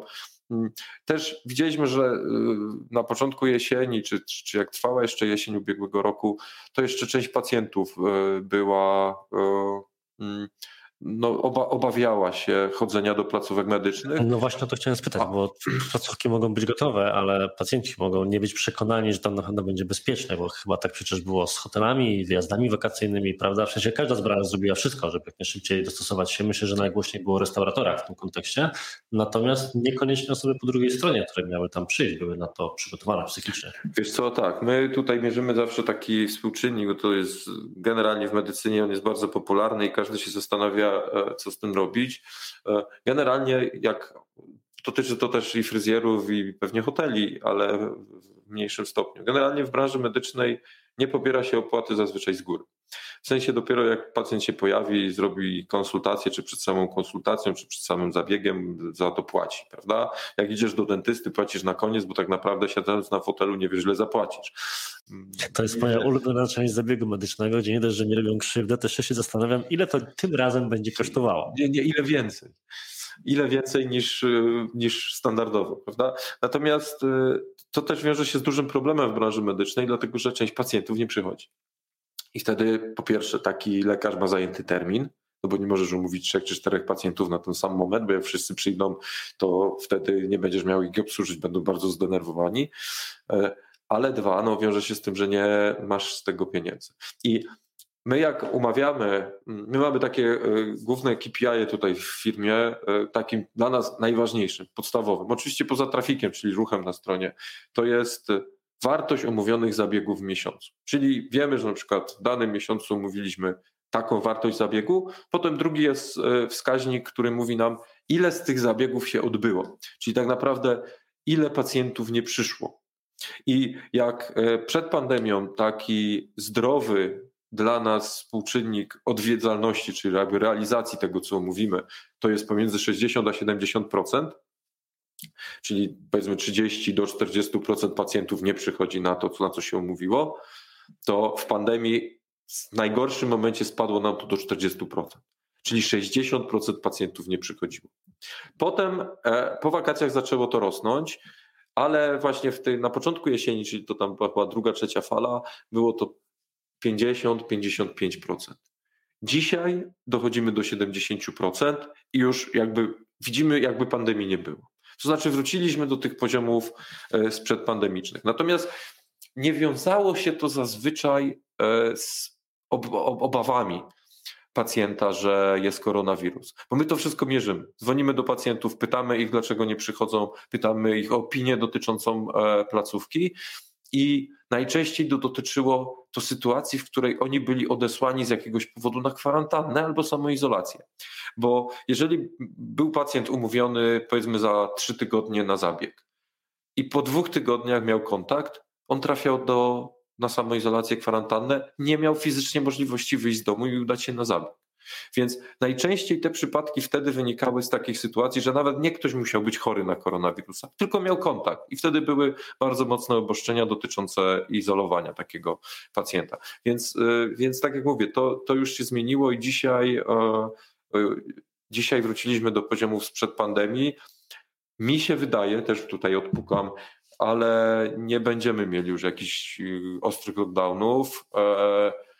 E, oczywiście to, co tam dzisiaj się dzieje, że tych przypadków jest coraz więcej e, i e, coraz więcej też w szkołach jest wykrywanych tych, tych takich bezobjawowych zakażeń koronawirusem, które potem przenoszą się na dorosłych od dzieci. Ale wydaje mi się, że, że nie dotknie to już bardzo mocno branży medycznej z bardzo prozaicznego powodu. Kliniki prywatne z mojej perspektywy e, są dobrym uzupełnieniem Państwowej Służby Zdrowia.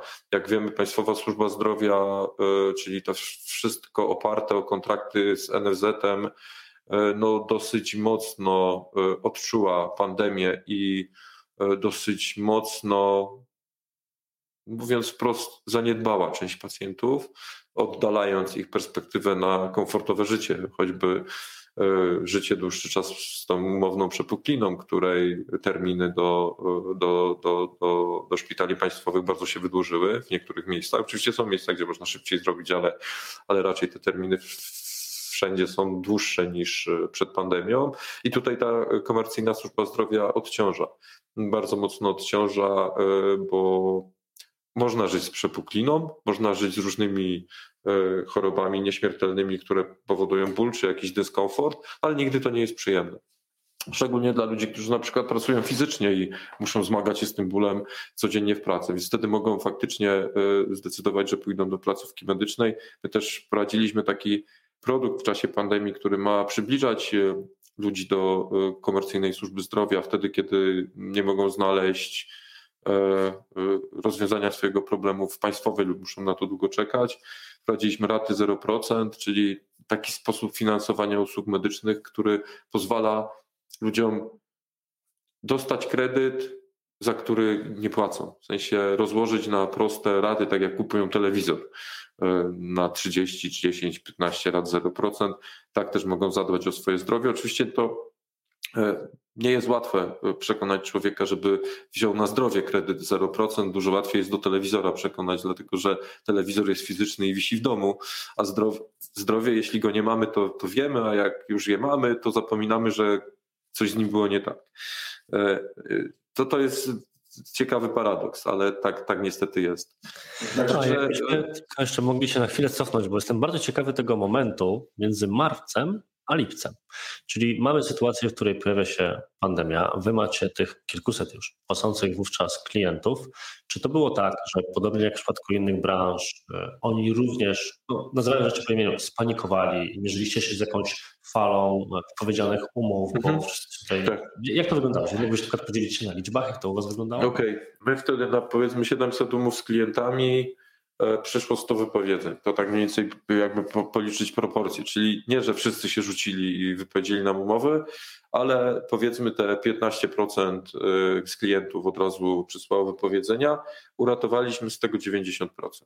E, Co zrobiliście, że to uratowaliście? Zawiesiliśmy im na przykład płatność abonamentu na jakiś okres, głównie właśnie do wakacji czym oczywiście obniżyliśmy y, swój, y, swoje możliwości przychodowe. Pamiętajmy, że nie mieliśmy przez miesiąc praktycznie przychodów z prowizji, bo się nie odbywało, y, nie odbywały, nie odbywały te zabiegi.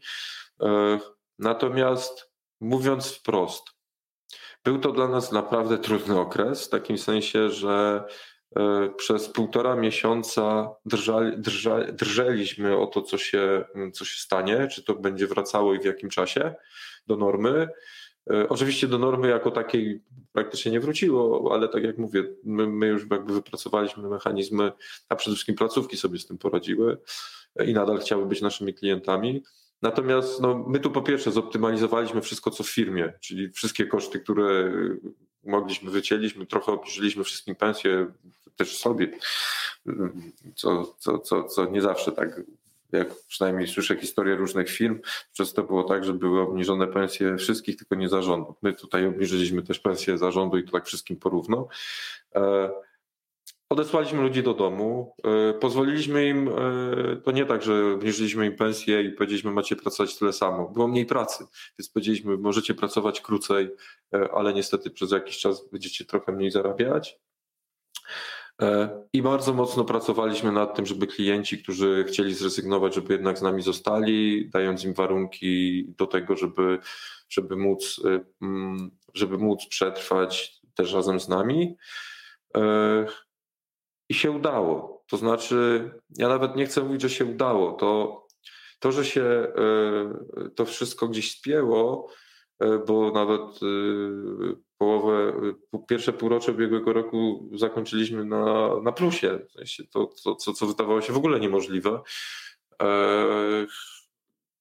No to jakby po pierwsze było efektem tego, że ta, te lockdowny trwały stosunkowo krótko. Po drugie, nawet jeżeli trwały lockdowny, placówki musiały zacząć się otwierać, żeby nie zbankrutować. E, też już jakby ten taki efekt półtora, dwóch miesięcy obeznania się z tym koronawirusem, to co się z nim dzieje, to jak niemu zapobiegać, jak przyjmować bezpiecznie pacjentów, to, e, to, też, e, to też pomogło temu, że te placówki zaczęły się otwierać. A jak one zaczęły się otwierać, to zaczęły potrzebować pacjentów, no a tych pacjentów my, my zawsze mieliśmy, więc, więc jakby to, nam pozwoliło przetrwać, ale nie było to łatwe. Natomiast ten okres takiego jakby obniżenia y, czasu pracy czy, czy wynagrodzeń trwał u nas mniej więcej dwa miesiące. Y, przypuszczalnie jakby trwało to pół roku, moglibyśmy nie przetrwać. Y, natomiast, natomiast potem to odbicie w komercyjnej służbie zdrowia widzieliśmy.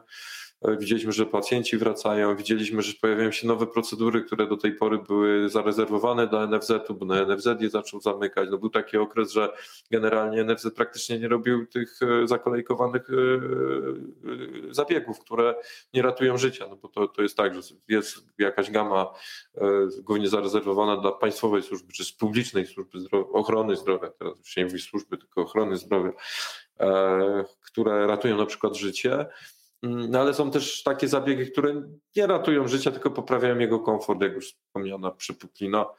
Oczywiście na przepuklinę można umrzeć, jak jest z powikłaniami, ale można też nie żyć 5 lat i po prostu 5 czy 10 i po prostu boli mniej lub bardziej. E, e, I, i, i te zabiegi zaczęły przechodzić też do, do tej komercji. Więc, więc, więc tak to wyglądało wtedy. No, był to ciężki okres, ale, ale myślę, że daliśmy radę. Tutaj y, to, co mnie najbardziej zaskoczyło, bo wszyscy mówią i dużo się mówi o tym, pewnie ty to wiesz doskonale, bo prowadzisz firmę, która praktycznie nie ma biura, tylko pracujecie wszyscy zdalnie. My też przerzuciliśmy, wszyscy pracownicy zaczęli pracować zdalnie. To na początku maja jak robiliśmy jakiegoś kola na Zoomie e, z moim działem sprzedaży, dziewczyny e, e, głównie pracują tam dziewczyny, mówią, już nie możemy, jakby chcę wracać do biura. I praktycznie jak państwo pozwoliło otworzyć z powrotem biura, ja powiedziałem, może przychodzić kto chce. Jedynie e, call center zostało e, na pracy zdalnej. Przerzuciliśmy cały call center do, przygotowaliśmy do tego oprogramowanie odpowiednie i call center e, pracuje zdalnie. Natomiast wszyscy pozostali pracownicy, a jest nas już ponad 30 osób, chcą pracować w biurze. I, I naprawdę, tak jak potem były te drugie fale, trzecie fale, państwo mówiło, żeby sugerować, żeby się izolować, żeby jednak pracować zdalnie ja pamiętam taki okres pomiędzy świętami a Nowym Rokiem w ubiegłym roku, e, kiedy no, były jakieś takie obostrzenia spore. Ja powiedziałem, słuchajcie, w tym okresie możecie nie przychodzić w ogóle. Nie, nie przychodzić. I musiałem przyjechać tutaj akurat e, do Łodzi, do, do notariusza, to mówię, to podskoczę do, do biura też i wchodzę do tego biura i patrzę, co wszyscy. Mówię, co wy tu robicie? Przecież w tym okresie miało was tu nie być. Nie, nie, my wolimy pracować w biurze. Więc to też jakby mm, różnie bywa. Ja jak e, współpracujemy z dużymi korporacjami, to najczęściej słyszę, że oni cały czas pracują zdalnie, albo gdzieś od dwóch, trzech miesięcy dopiero wracają do jakiejś takiej hybrydowej pracy biurowej. My tutaj praktycznie od, od wakacji ubiegłego roku cały czas jesteśmy w biurze. No to chyba bardzo mocno, chyba bardzo mocno zależy od specyfiki zespołu. U nas akurat nie ma tego wyboru. W sumie nie wiemy, jak to byłoby pracować razem. Czasami się spotykamy w ten sposób raz na, na jakiś jeden dzień, żeby popracować wspólnie, że mamy jakieś integracje, no ale to jest na tyle świąteczna atmosfera tego spotkania, że ciężko to porównać do zwykłego dnia, gdybyś, e, gdybyś pracował.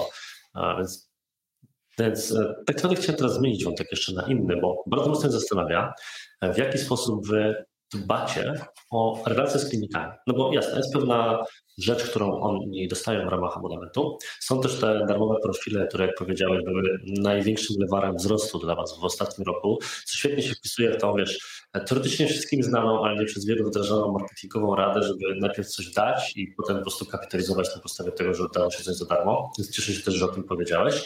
Natomiast czy są jakieś inne działania, które podejmujecie na bieżąco właśnie, żeby dbać o ten kontekst z klinikami, sugerować jakieś nowe rozwiązania, czy po prostu dawać więcej wartości? Jest, wiesz co, jest, jest kilka elementów, które my robimy. To jest w ogóle e, fajnie, że powiedziałeś o tym. Rozwinę trochę ten wątek i potem odpowiem na Twoje pytanie jasne, już, jasne, tak. Natomiast odnośnie tego, co powiedziałeś, mamy, mamy te darmowe profile i Jednym z elementów, w którym my podtrzymujemy relacje, czy budujemy relacje z naszymi klientami, jest coś, co e, nazwaliśmy dwa lata temu kliniki PL Rating Index. To jest taki system zbierania opinii o placówce medycznej, który jest oparty, moim zdaniem najbardziej obiektywny dzisiaj w Polsce. On jest oparty o kilka źródeł. My ściągamy opinie ze znanego lekarza, ściągamy opinie z Google'a, z Facebooka, mamy też własne opinie, które nasi pacjenci zostawiają. I na tej podstawie jest e, e, budowana ogólny, ogólny, ogólna ocena danej placówki medycznej, oparta o cztery lub pięć źródeł, bo jeszcze piątym źródłem, które od września dajemy placówkom, to jest ich strona internetowa albo pacjenci, którzy przychodzą do nich do placówki, po prostu to jest źródło pacjenci placówki, tacy, którzy przyszli do nich, niekoniecznie musieli przyjść z naszej strony internetowej. W sensie jakieś wewnętrzne ankiety, które u nich wypełniają, tym podobne rzeczy. To jest coś, jak oceniasz hotel z Bookinga. Jak pojedziesz z Bookinga do, do hotelu, potem ci przychodzi mail oceń e, i tam to, co jakby jest istotne e, z punktu widzenia e, nas, to jest, że u nas nie ocenia się tylko lekarza. U nas ocenia się placówkę, lekarza całe ogólne, ogólną opinię dotyczącą, y, nazwijmy to, y, doświadczenia związanego z wizytą w tej placówce, ale też efekt. Y, to, co jest ważne w, tym, w tej naszej opinii, którą pacjent zostawia przez kliniki.pl, to jest to, że placówka może pacjenta poprosić, żeby on o efekcie powiedział za miesiąc. Dlatego, że na przykład, jak nie wiem, przychodzi kobieta do placówki medycznej i chce zmniejszyć nos albo poprawić nos, wyprostować nos. Efekt nigdy nie będzie jutro. Ona może ocenić kontakt z lekarzem po konsultacji, może ocenić placówkę, jej wygląd, ale efekt tego nosa zobaczy naj, najprawdopodobniej najwcześniej za miesiąc, półtora. I wtedy placówka może ją poprosić i przypomnieć jej nawet przez nasz system, żeby to oceniła. Natomiast ten kliniki Rating Index to on jest trochę e, takim elementem, który nas lepi e, z placówkami, dlatego że e, bardzo podobnie jak w bookingu, jak jedziesz do jakiegoś hotelu, często widzisz opinię z bookingu piszącą na. Tak, tak, jeden z bardziej wyeksponowanych to, zawsze tak, certyfikatów. To, to my to wysyłamy do placówek medycznych i one się tym chwalą. To znaczy dzisiaj jak Śmieszną taką anegdotyczną historię powiem. Mieliśmy ostatnio kola z naszym człowiekiem od UX-a i od projektowania, bo mm, projektujemy teraz nowy moduł. Nie, nie będę o nim mówił, ale jest bardzo ciekawy. E, chcemy go dać e, placówkom na początku przyszłego roku. Natomiast mieliśmy kola. Maciek jest z Poznania, to akurat jest jeden z tych pracowników, który zdalnie pracuje, czy współpracuje z nami. I Maciek mówi: Byłem dzisiaj u dentysty, widziałem dyplom na ścianie, a on go projektował. Nie? sprawdziliśmy, bo powiedział, jaka placówka z darmowego profilu. To, co zrobiliśmy w tym roku, bo w zeszłym roku wysyłaliśmy tylko i wyłącznie dyplomy do naszych klientów, bo nie było jeszcze tych darmowych placówek. W tym roku podjąłem decyzję, że e, wysyłamy do naszych klientów i do 700 placówek, które mają darmowe profile. Wysłali, wysłaliśmy pakiety, każde o wartości kilkunastu, kilkudziesięciu złotych z dyplomami, z wydrukowanymi naklejkami, z informacją o klinikach.pl, że bardzo gratulujemy wyniku, bo oczywiście te dyplomy idą do tych placówek, które mają tylko te dobre wyniki e, i że no, prosimy o podzielenie się ze swoimi pacjentami tymi wynikami. I wracając do tego, zapytając do tego, co mówiłeś o tym, że najpierw trzeba coś za, za darmo, odbieraliśmy sporo telefonów odnośnie tego, co jest w tej paczce. Bo to przychodziły pudełka, na których pisał, to jest paczka od kliniki.pl i osobiście nie, nie wiem, jak akurat ta pani dotarła do mojego numeru, ale zadzwoniła do mnie właścicielka jednej placówki i zaczęła pierwsze zdanie. Proszę pana, doszła od was paczka, a ja doświadczona życiem wiem, że nic nie jest za darmo. Czy ja mam wam tą paczkę odesłać? Bo ja na pewno nic nie będę płacił. Nie ma darmowych lunchów. I rozmawialiśmy kilka minut odnośnie tego, co jest w tej paczce, dlaczego ona to dostała. E, ona się zapytała, czym my się zajmujemy, chciała poznać ofertę, ale efekt tej rozmowy, czy koniec tej rozmowy był taki, że ona mi powiedziała, że dzięki mnie uwierzyła, że jednak można coś dostać za darmo. No bo jej wytłumaczyłem, że tej paczki nie musi nam zwracać, że tą paczkę może sobie zachować i nie musi być koniecznie naszym klientem, ma darmowy profil, może z niego korzystać. Jakby chciała, to warto skontaktować się z naszym działem handlowym. Zresztą teraz to w ogóle warto, bo do 20 listopada e, a dla słuchaczy Artura, jakby ktoś komuś polecił, to możemy to przedłużyć. Jest trzy miesiące abonamentu gratis dla nowych klientów. To musimy szybko zmontować ten odcinek, to musisz go szybko zaakceptować. Okej. Okay. E, natomiast jakby wracając jeszcze do Twojego pytania odnośnie co my robimy, jak utrzymujemy relacje z klientami. E, przy okazji tego kliniki Pen Rating Index e, raz w roku organizujemy galę, na którą zapraszamy naszych klientów i która jest takie miejsce. W tym roku była impreza pod koniec września, było 50 placówek. E, oczywiście też ze względów pandemicznych nie jesteśmy w stanie zapraszać wszystkich, ale, ale staramy się, żeby klienci przyjeżdżali. To jest świetne miejsce, żeby właśnie podtrzymywać relacje, dlatego że to, co dla nas jest ultra ważne, być może dlatego, że tak jak mówiłem, mamy tam ponad 500 klientów, a nie 50 tysięcy. Mając 500 to jest jeszcze stosunkowo łatwe, ale dla nas bardzo ważna jest taka mm, bliska relacja z klientem, to znaczy, żeby opiekun klienta po pierwsze go znał, e, znał jego potrzeby, wiedział na czym najbardziej zależy albo czego nie lubi dany klient.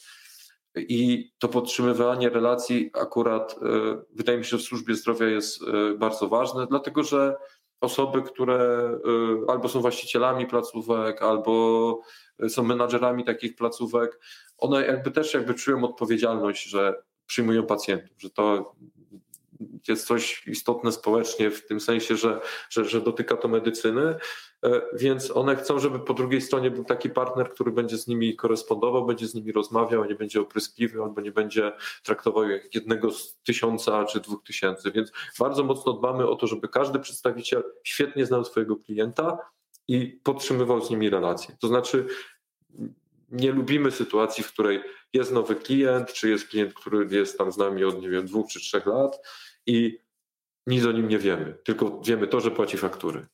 Raczej chcemy wiedzieć, co się u niego dzieje, chcemy wiedzieć, czy nie zmienia się jakoś jego profil czy nie zatrudnił nowych lekarzy, czy tam nie pojawiają się jakieś e, nowe usługi medyczne. To jest, to jest e, e, bardzo ważne. To, co też jest to, co też jest istotne e, w tych relacjach z klientami, to, że my im dajemy dodatkowe narzędzia e, marketingowe do promowania się bieżąco, żeby taki klient u nas może wziąć udział w akcji takiej webinarowej, gdzie, gdzie my też to organizujemy, gdzie może porozmawiać z pacjentami, czy raczej, e, czy raczej mówić do nich, a pacjenci mogą mówić tam w jakiejś innej formie, zadawać pytania. Także, także to, to, to, są takie elementy, na które my bardzo mocno zwracamy uwagę.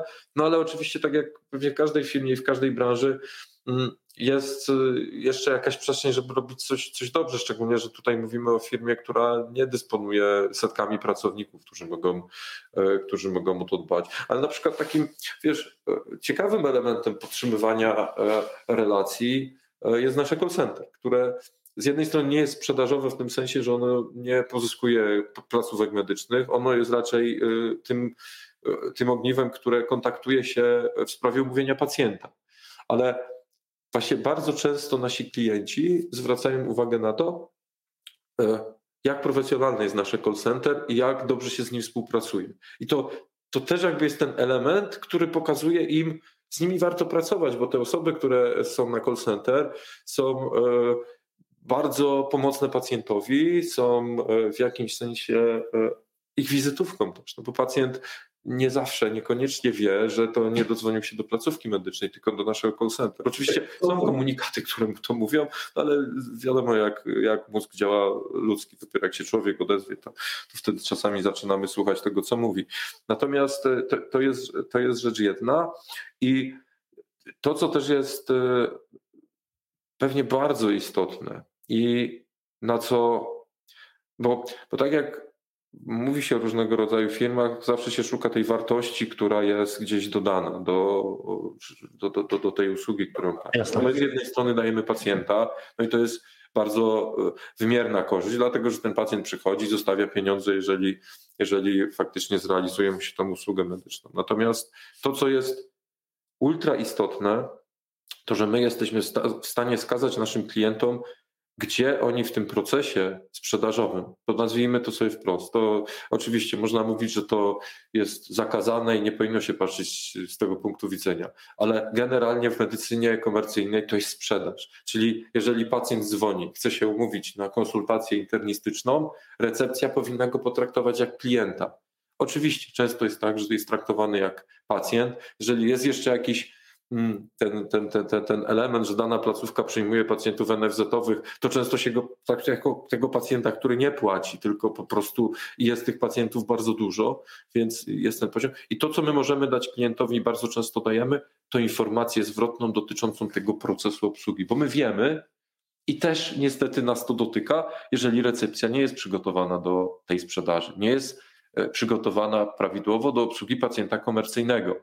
E, to, to jest wiele elementów, na które my możemy zwracać Czyli jesteście trochę nawet zastępnikiem procesu tajemniczego klienta dla swoich własnych klientów. W sensie to nie znaczy się tajemniczy klient jako taki, ale zakładam, że szykując się do współpracy z tą placówką, zadajecie pytania, które zadałby klient i jesteście w stanie poprawić czyjś proces obsługi. Dokładnie. To, co jest pierwszym elementem, to zobacz, nasi pacjenci dzwonią. Dzisiaj 90% placówek ma IVR, czyli centralki, które są zaprogramowane. Naciśnij 1, naciśnij 2, naciśnij 3, chcesz po angielsku, naciśnij 9. Nie? I teraz pacjent trafia na e, IVR-a i czeka. I my, pierwszy element, jesteśmy w stanie powiedzieć, ilu pacjentów się do Was dodzwania, ile się nie dodzwania. Ilu pacjentów, wpadając na Waszego IVR-a, doczekuje do rozmowy. Bo e, tak średnio w Polsce granica bólu to jest 7-8 minut i potem pacjent się rozłącza, nie czeka. Najdłuższy... To jestem zaskoczony, że to naprawdę jest dużo. W sensie, wiesz, na stronach internetowych mówi się, że jak się ładuje tam powyżej 6 sekund, to już się wyłącza. Ja sam się wówczas wyłączam, a tymczasem czekanie z melodyjką, czy tam tą całą sekwencją 7-8 minut, gratuluję. To jednak widać, że komuś Medycyna. medycyna. To, to jest medycyna, więc to jest taka branża, na której trochę bardziej zależy niż, nie wiem, na dowiedzeniu się, czy jesteś w stanie y, zapłacić za abonament telefoniczny 60 czy 70 zł miesięcznie. Jasne. To jest jedna rzecz, wiesz, ale to jest tak czekanie na IVR. A propos jeszcze tego IVR. Najdłużej mieliśmy pacjenta, który na IVR czekał dwie godziny i się dodzwonił. Po dwóch godzinach przeprowadził rozmowę z placówką. Ja po prostu, mamy te statystyki, my wiemy ile średnio trwa rozmowa, wiemy ile się czeka na rozmowę i jak i widzimy też odchylenia. Jak zaczęliśmy dwie godziny, to to po prostu masakra pewnie jechał samochodem albo nie wiem, siedział w pracy i mógł mu ten telefon tam gdzieś na głośniku lecieć. Ciekawe, czym dzwonił ten pan czy ta pani. No, pff, tego akurat nie wiemy. Natomiast nie, nie była to przepuklina. Na, natomiast, y, a wiesz co, nie, nie, nie, pamiętam, ale, ale sprawdziliśmy. W każdym razie y, to jest jedna rzecz. Druga rzecz to jest to, czy dana placówka, jak już odbierze telefon, czy są tam kompetencje do sprzedawania. Mieliśmy jednego klienta, e, taką średniej wielkości sieciówkę, któremu no, mówiliśmy, że e, bardzo dużo e, idzie do niego telefonów, które są albo nieobsługiwane, albo nieodebrane, albo nieumówione. I on faktycznie sobie zrobił odsłuch u siebie mm, z tego swojego IVR-a i stwierdził, ja muszę najpierw nauczyć moją recepcję, żeby sprzedawać, a potem do was wrócić, bo tak to, to ta współpraca nie ma sensu. Wasi pacjenci dzwonią po komercyjną usługę, a moja e, recepcja ich odsyła, bo też obsługiwał abonamenty i NFZ. -y. I też jesteśmy w stanie zwrócić uwagę placówki na to, dlaczego ich recepcja nie potrafi sprzedać, albo co robi źle, żeby, że nie sprzedaje. Bo jakby ta analiza rozmów pozwala nam nie tylko wyciągać informacje odnośnie terminów, lekarzy, czy jest umówiona, czy nie, ale też swego rodzaju jaka tam była intencja i dlaczego na przykład poszło to w złym kierunku. Jesteśmy w stanie przeanalizować wszystkie rozmowy, w których nie doszło do umówienia wizyty. I oczywiście w wielu przypadkach to jest tak, że pacjent po prostu chciał się czegoś dowiedzieć, tak no, mówiąc brzydko, nazywamy takiego pacjenta pytaczem. I moje call bardzo nie lubi pytaczy, zresztą nikt nie lubi, nikt nie lubi pytaczy. E, no bo wtedy nie dochodzi do sprzedaży. Natomiast, e, natomiast bardzo często wynika to z tego, że po stronie rejestracji jest albo brak wiedzy, albo konsultant ma gorszą chwilę, bo to też się zdarza, można mieć gorszy dzień i, i być, nie wiem, bardziej opryskliwy. Więc, więc na takie rzeczy jesteśmy w stanie zwracać uwagę klientom i to jest dla nich cenna wiedza, dlatego że oni bardzo często, szczególnie te mniejsze placówki, nie mają jakichś wewnętrznych superwizorów, którzy, nie wiem, cały czas monitorują, co się dzieje na tej recepcji. A my de facto to i tak robimy, więc możemy to zrobić za nich i takie jakby wartość dodana dla placówki medycznej to jest też coś, co jakby daje nam możliwość podtrzymywania z nimi relacji. Co mamy tych planów całkiem sporo. E, Coś to możesz zdradzić, bo powiedziałeś, może, że jedna rzecz jest, znaczy, ale nie znaczy, znaczy w sumie to chyba mogę się tym w jakimś sensie pochwalić. To, nad czym teraz jeszcze pracujemy, to są opinie mm, od strony placówki medycznej. Robimy, w zasadzie to już jest gotowe, to będzie wdrożone w ciągu pewnie tygodnia. E, każda, każdy nasz klient ma dostęp do panelu, w którym może zarządzać swoim profilem, w którym może e, sprawdzić, jacy pacjenci do niego dzwonili, w którym się rozlicza, może pobrać widgety na swoją stronę. E, w tym panelu może też odpowiadać na opinie, które pacjenci zostawiają, ale to, co dodajemy, to ja to nazywam takim umownym tagiem, to nazwijmy Brand24 y, dla y, opinii o placówkach medycznych. My mierzymy już od jakiegoś czasu, y, pobieramy w tygodniu ze znanego lekarza, z Google'a, z Facebooka, od nas opinie i placówki będą widziały, jak te opinie, liczba tych opinii i wysokość tych opinii zmienia się w czasie. Tak, żeby mogły sprawdzać, czy generalnie podejmowane przez nich wysiłki, medyczne, tudzież marketingowe idą w dobrym kierunku. Czyli na przykład zmienia się na, w dobrą stronę liczba pozytywnych opinii. E, no bo to są z jednej strony mówię, to, to, to może być kwestia medyczna, czyli po prostu placówka jest coraz lepsza, coraz lepiej leczy, coraz więcej pacjentów leczy, zwiększa się wtedy liczba opinii, są coraz lepsze, ale to też może być efekt ich działań marketingowych, czyli po prostu tak adresują swoje usługi i tak, w ten sposób zarządzają e, pacjentami, że zostawiają opinię tylko ci zadowoleni. E, więc dajemy takie narzędzie, mówię, to w zasadzie już jest gotowe do odpalenia na dniach. To, co też, to, co też robimy w najbliższym czasie, to jest moduł e-commerce'owy dla placówek medycznych. To znaczy, my zazwyczaj staramy się robić różnego rodzaju produkty w odpowiedzi na mm, zapotrzebowania placówek. Przyszły do nas placówki medyczne, że chciały po prostu przez nas sprzedawać produkty fizyczne. E, więc y, Mamy już zaprojektowany, też już wspomniałem o kolu z naszym y, Maćkiem od UX-a i od, od, od, projektowania. Mamy już zaprojektowany ten moduł, będziemy go stawiać. Każda placówka medyczna będzie miała, mogła mieć u nas swój sklep, gdzie na przykład y, placówki, które zajmują się y, choćby medycyną estetyczną czy, czy, der, czy dermatologią, mogą sprzedawać na przykład kremy. E, które i tak sprzedają siebie fizycznie, więc, więc zrobić to przez nas, ale każdej placówce medycznej damy możliwość sprzedawania też produktów wirtualnych w postaci voucherów czy bonów.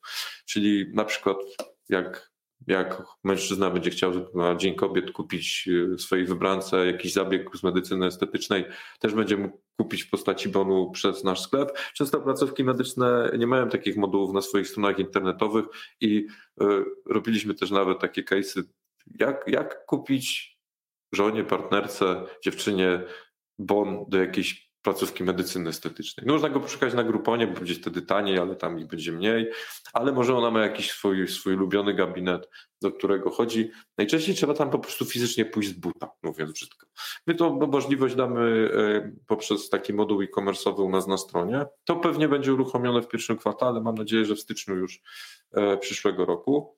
To, nad czym e, teraz też pracujemy, to jest wdrożenie, wspomniałem już o ratach 0%, więc e, one już są, ale nie we wszystkich placówkach, no bo placówki niestety muszą płacić za, za, za te raty 0%, więc to jest jakby forma rabatowania tych, tych pacjentów nie, nie wszystkie chcą to robić. Dlatego wprowadzamy raty komercyjne, czyli takie raty, które, za które placówka nie będzie płaciła, no one już będą opłacane nie będą to kraty 0% przez pacjenta, natomiast będzie możliwość dłuższego kredytowania, a przede wszystkim, co dla nas jest najważniejsze, jako dla tych, którzy chcą zwiększać dostępność do komercyjnej służby zdrowia, a nie zmniejszać, to będą najtańsze raty komercyjne na polskim rynku, jeżeli chodzi o tą branżę medyczną, będą tańsze niż to, co teraz ma e, konkurencja. E, więc mamy nadzieję, że, że, że, że placówki będą chciały wchodzić w ten system ratalny. Kolejna rzecz, nad którą e, pracujemy i która e, jest dla nas ważna, nie jestem w 100% pewny, czy to się uda. Jest to projekt, powiedzmy, nad którym pracujemy. Jeżeli ktoś ze słuchaczy e, prowadzi działalność, która mogłaby nas w tym wesprzeć albo w jakiś sposób nam pomóc, to zachęcam do kontaktu. Chcemy zrobić klub pacjenta klinik.pl, czyli zrobić miejsce, które pozwoli pacjentowi mieć benefity z tego, że się umawia przez nas e, do placówek medycznych. Myślimy tu na pewno o jakichś cashbackach, myślimy o jakichś dodatkowych, e, dodatkowych usługach, ale przede wszystkim, co jest dla nas najważniejsze, i tutaj w tym zakresie szukamy partnera i zaczynamy e, rozmawiać, to jest ubezpieczenie procedury medycznej. To znaczy, idąc na zabieg, powiedzmy, operacji przepukliny. Chcemy, będąc dla będących członkami naszego klubu pacjentów, e, gwarantować, że jeżeli coś się nie powiedzie, będą mieli zwrócone choćby koszty tego zabiegu. Oczywiście pacjent może przy nieudanych zabiegach dochodzić odszkodowania, może dochodzić e, e, zwrotu poniesionych kosztów, natomiast no, jest to droga sądowa, zazwyczaj My chcemy dać produkt, który będzie trochę takim autokasko dla pacjenta. O, piękna, piękna analogia. Czyli, czyli jeżeli coś ci się stanie, to miej gwarancję, że, że przynajmniej te środki, za które możesz na przykład ten zabieg powtórzyć gdzie indziej, e, odzyskasz. E, szukamy do tego partnerów, myślimy o tym już od dłuższego czasu e, i, i, i, jeżeli ktokolwiek w ogóle ze słuchających miałby jeszcze jakiś pomysł, co w takim klubie pacjenta za benefity możemy tym pacjentom dawać, ma produkt, który można dać jako benefit, e, to bardzo, to bardzo chętnie e, o tym porozmawiamy.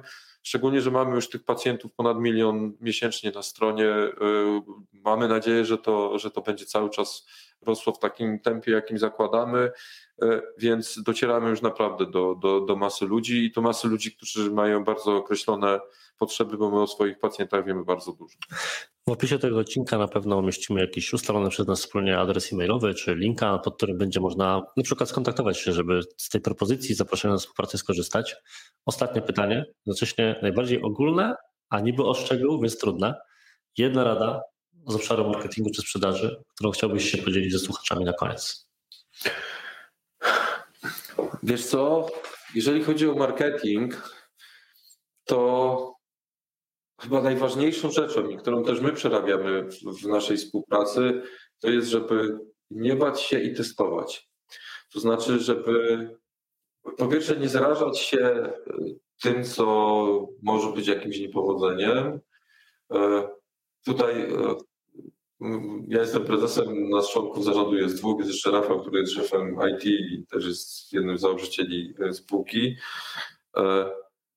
Jak mamy taki gorszy moment, e, kiedy Google na przykład nas jakoś ukarał, były takie momenty w historii tej firmy, co najmniej dwa czy trzy, to zawsze mówimy sobie spokojnie, róbmy swoje, ale nie bójmy się i nie załamujmy. To jeżeli myślimy o działaniach marketingowych, to bywają takie sytuacje, że nic nie wychodzi. Chyba to, co najważniejsze jest do zrobienia, to żeby trochę o tym zapominać i starać się iść do przodu, ale testując, testując nowe rzeczy. My tutaj staramy się dużo rzeczy testować, czasami to nie wychodzi. Mamy odpalone produkty, które e, nam nie wyszły, mówiąc wprost. No, zrobiliśmy coś, e, ale też zawsze staramy się to robić e, przy zasadzie MVP, czyli zrobić coś prostego, sprawdzić, czy to działa, czy jest jakieś zapotrzebowanie. No ale czasami przestrzelimy. Dlatego wydaje mi się, że to testowanie, ale też jakby nie banie się tego, co, co, co, co, się, co się może stać i nie załamywanie, jeżeli nie wyjdzie. To, to, to chyba jest najważniejsze. Natomiast y, tak czysto strategicznie, y, jeżeli chodzi o, o marketing, no bo to też jest element marketingu. Moim takim w sumie konikiem, czy taką rzeczą, która jest dla mnie najważniejsza, to, jest, to są ceny. To są, to są ceny, czyli to, co, czyli to, co, to, co możemy dostać od klienta, i to, co nazywa się przychodem w firmie. I to, ta, to też jest moje bardzo ciekawe doświadczenie wyniesione z tej, z tej firmy. E, miałem du, dużo doświadczeń dotyczących tego dawania za darmo, o czym też już rozmawialiśmy, ale o tym e, dawania za drogo, czy posiadania zbyt wysokich cen. Jak tutaj zaczynałem pracę i rozmawiałem z moimi handlowcami, zawsze, znaczy na początku czułem kompleks konkurencji. E, że my byliśmy mniejsi. I jakby jak komunikować klientowi, jak jesteś mniejszy? Trudno być jest mniejszy, nie? No, najłatwiej być jest pierwszym. Najłatwiej jest być Facebookiem, najłatwiej być, być Googlem, gdzie tam konkurencja jest jakoś daleko, daleko, daleko i jej nie ma. E, pewnie łatwe jest wtedy, kiedy jest kilku podobnych. Nie ma takiego wyraźnego lidera, no bo wtedy jakby e, tej oferty szukać. Ale w naszej branży jest zdecydowany lider, którym jest znany lekarz i który jest największy, ma gigantyczną ilość ruchu. I tutaj zderzyłem się z tym kompleksem znanego lekarza. To znaczy, jak rozmawiać z klientem, kiedy on zna znanego lekarza, korzysta z niego, ten znany lekarz daje mu dużo więcej. I to co, to, co stało się najważniejsze i do czego doszliśmy teraz, i e, jestem już w stanie powiedzieć z pełną odpowiedzialnością, że zrzuciliśmy z siebie ten kompleks znanego lekarza, e, czy, czy moi ludzie, i, i to wynikało z tego, że tym najważniejszym argumentem w rozmowie z klientem nie jest to, czy jest konkurencja, ile ta konkurencja daje, czy ona daje dużo więcej, czy podobnie, czy mniej. Najważniejsze jest to, ile my dajemy. Jeżeli jesteś w stanie pokazać klientowi, co mu dajesz, to bardzo trudno jest mu polemizować z ceną, którą on za to płaci, bo to jest bardzo prosty sposób przeliczalny. I jeżeli klient dostaje od tego, co mu dostarczasz, żywą gotówkę, to ty masz rozmawiać tylko i wyłącznie o tym. Nie masz rozmawiać, że ktoś inny dostarcza mu 10 razy więcej gotówki. I nie musi cię interesować, ile on mu za to płaci. Ciebie interesuje to, czy on dostaje dużo więcej niż, niż, niż tobie zostawia. I wtedy uważam, że to jest po pierwsze uczciwe, bo my tutaj operujemy na uczciwych stawkach, a po drugie wiesz, że ten ktoś już coś dostał od ciebie. Więc jakby ta, ta, ta, ta e, presja cenowa, czy to w jakiś sposób tą swoją e, cenę kształtujesz, musi być wprost odzorowane przez to, co dajesz, ale jeżeli dajesz i jesteś w stanie to w bardzo prosty sposób wykazać, to bardzo łatwo rozmawiać o, e, o Twojej cenie. I, I to jest coś, na co tutaj bardzo mocno zwracam uwagę, i dzięki temu wydaje mi się, że wypracowałem naprawdę bardzo dobre mm, po pierwsze, relacje mojego działu sprzedaży z klientami, ale po drugie, to zaangażowanie, motywację moich handlowców. Bo y, jeszcze jakbyś tu był dwa czy trzy lata temu, to trochę to wyglądało, jakby ludzie musieli iść do klientów i być biczowani ze względu na to, że jest jakaś duża konkurencja na rynku. Że nie są znanym lekarzem. Tak. A teraz mają podejście zupełnie inne i w ogóle nie patrzą na tego znanego lekarza. I rozmawiają z tymi klientami w zupełnie inny sposób, czują się bardziej równi, e, czują się zdecydowanie pewniej i, i to nie jest tak, że stało się tak, że nagle staliśmy się znanym lekarzem, czy jesteśmy tak samo duzi, bo jesteśmy jeszcze siedem razy mniejsi. My mamy milion, znany lekarz, ponad 7 milionów użytkowników. Ale zupełnie jest inna perspektywa patrzenia na, na ten biznes, zupełnie jest inna perspektywa patrzenia na ten efekt, czy na y, tą wartość, którą dajesz klientowi. Jeżeli opierasz się na tej wartości, to możesz zapomnieć o tym całym, y, co jest dookoła Twojej konkurencji, bo wiesz, że to wartość dostarczasz i bazując na niej jesteś w stanie mm, dostosować się e, do, do poziomu e, klienta. Czyli nie bać się testowania, być świadomym własnej wartości i nie mieć kompleksów na tle konkurencji, niezależnie od tego, jak duża by była. Myślę, że to są świetne trzy myśli kończące, które w ogóle fajnie korespondują z tym pytaniem, od którego wyszliśmy, prawda? Czyli co robicie inaczej bądź lepiej. No to do tego się właśnie sprowadza świadomość tego, co dajemy, czy ewentualnie jaką lukę po kimś innym uzupełniamy, albo jak jesteśmy w stosunku do niego komplementarni. To była zdecydowanie najdłuższa rozmowa, jaką przeprowadziłem w ramach, swojej serii wywiadów z klientami. Ale bardzo się cieszę, bo mógłbym Cię słuchać jeszcze kilka godzin i czuję, że jeszcze się spotkamy, bo aż nie, nie będę zadawał tego pytania, na pewno byś odpowiedział, ale aż mnie kusi jeszcze, że porozmawiać o tych szkoleniach handlowców, wszystkich innych rzeczach, bo też mnie te tematy bardzo interesują. Myślę, że słuchacze również, więc dajcie proszę znać, jeżeli będziecie zainteresowani, żeby raz jeszcze słuchać Marcina, bo na pewno chętnie tutaj jeszcze... Mogę coś, mogę coś jeszcze? Dawaj. Jeszcze jedną rzecz na koniec powiem, bo mam taki ulubiony film, Wilk z Wall Street, to jest mój ulubiony film. I ale on, on, jest na różnych płaszczyznach dla mnie, dla mnie ciekawy. No oczywiście nie, nie, popieram działalności takiej, jak tam ten główny bohater akurat uprawiał, natomiast ten, ten film jest doskonały.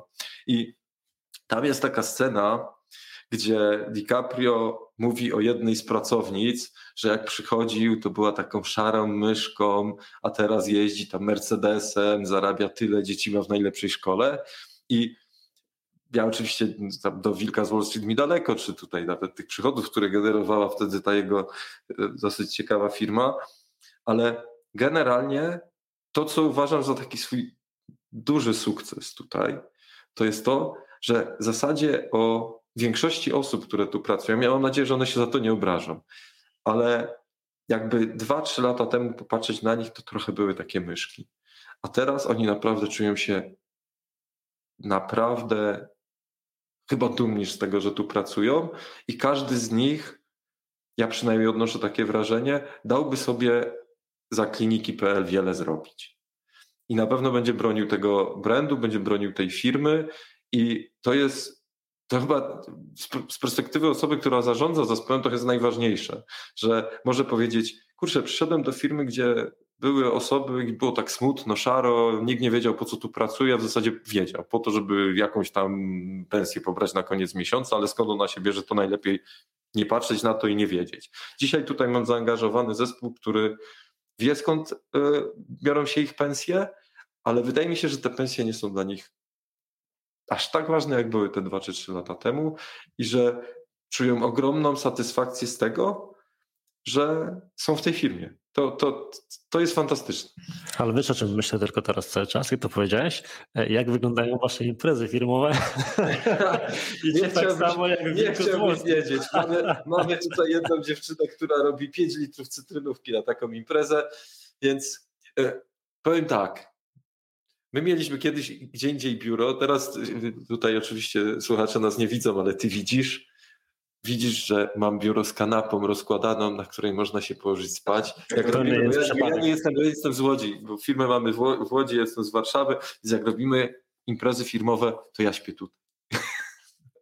I tym optymistycznym akcentem myślę, że nie będziemy drążyć przynajmniej tego tematu, ani w tym, ani w kolejnych wywiadach. Bardzo Ci dziękuję Marcinie, że przyjąłeś zaproszenie i żegnamy się z Państwem tutaj. Za moim gościem był Marcin Fiedziukiewicz z kliniki.pl. Wszystkie informacje na temat klinik.pl zamieścimy właśnie w opisie tego linku. Dziękuję Ci raz jeszcze za to, że przyjąłeś zaproszenie i że tak szczerze podzieliłeś się tymi wszystkimi informacjami. To ja dziękuję i e, mam nadzieję, że do zobaczenia. Na pewno.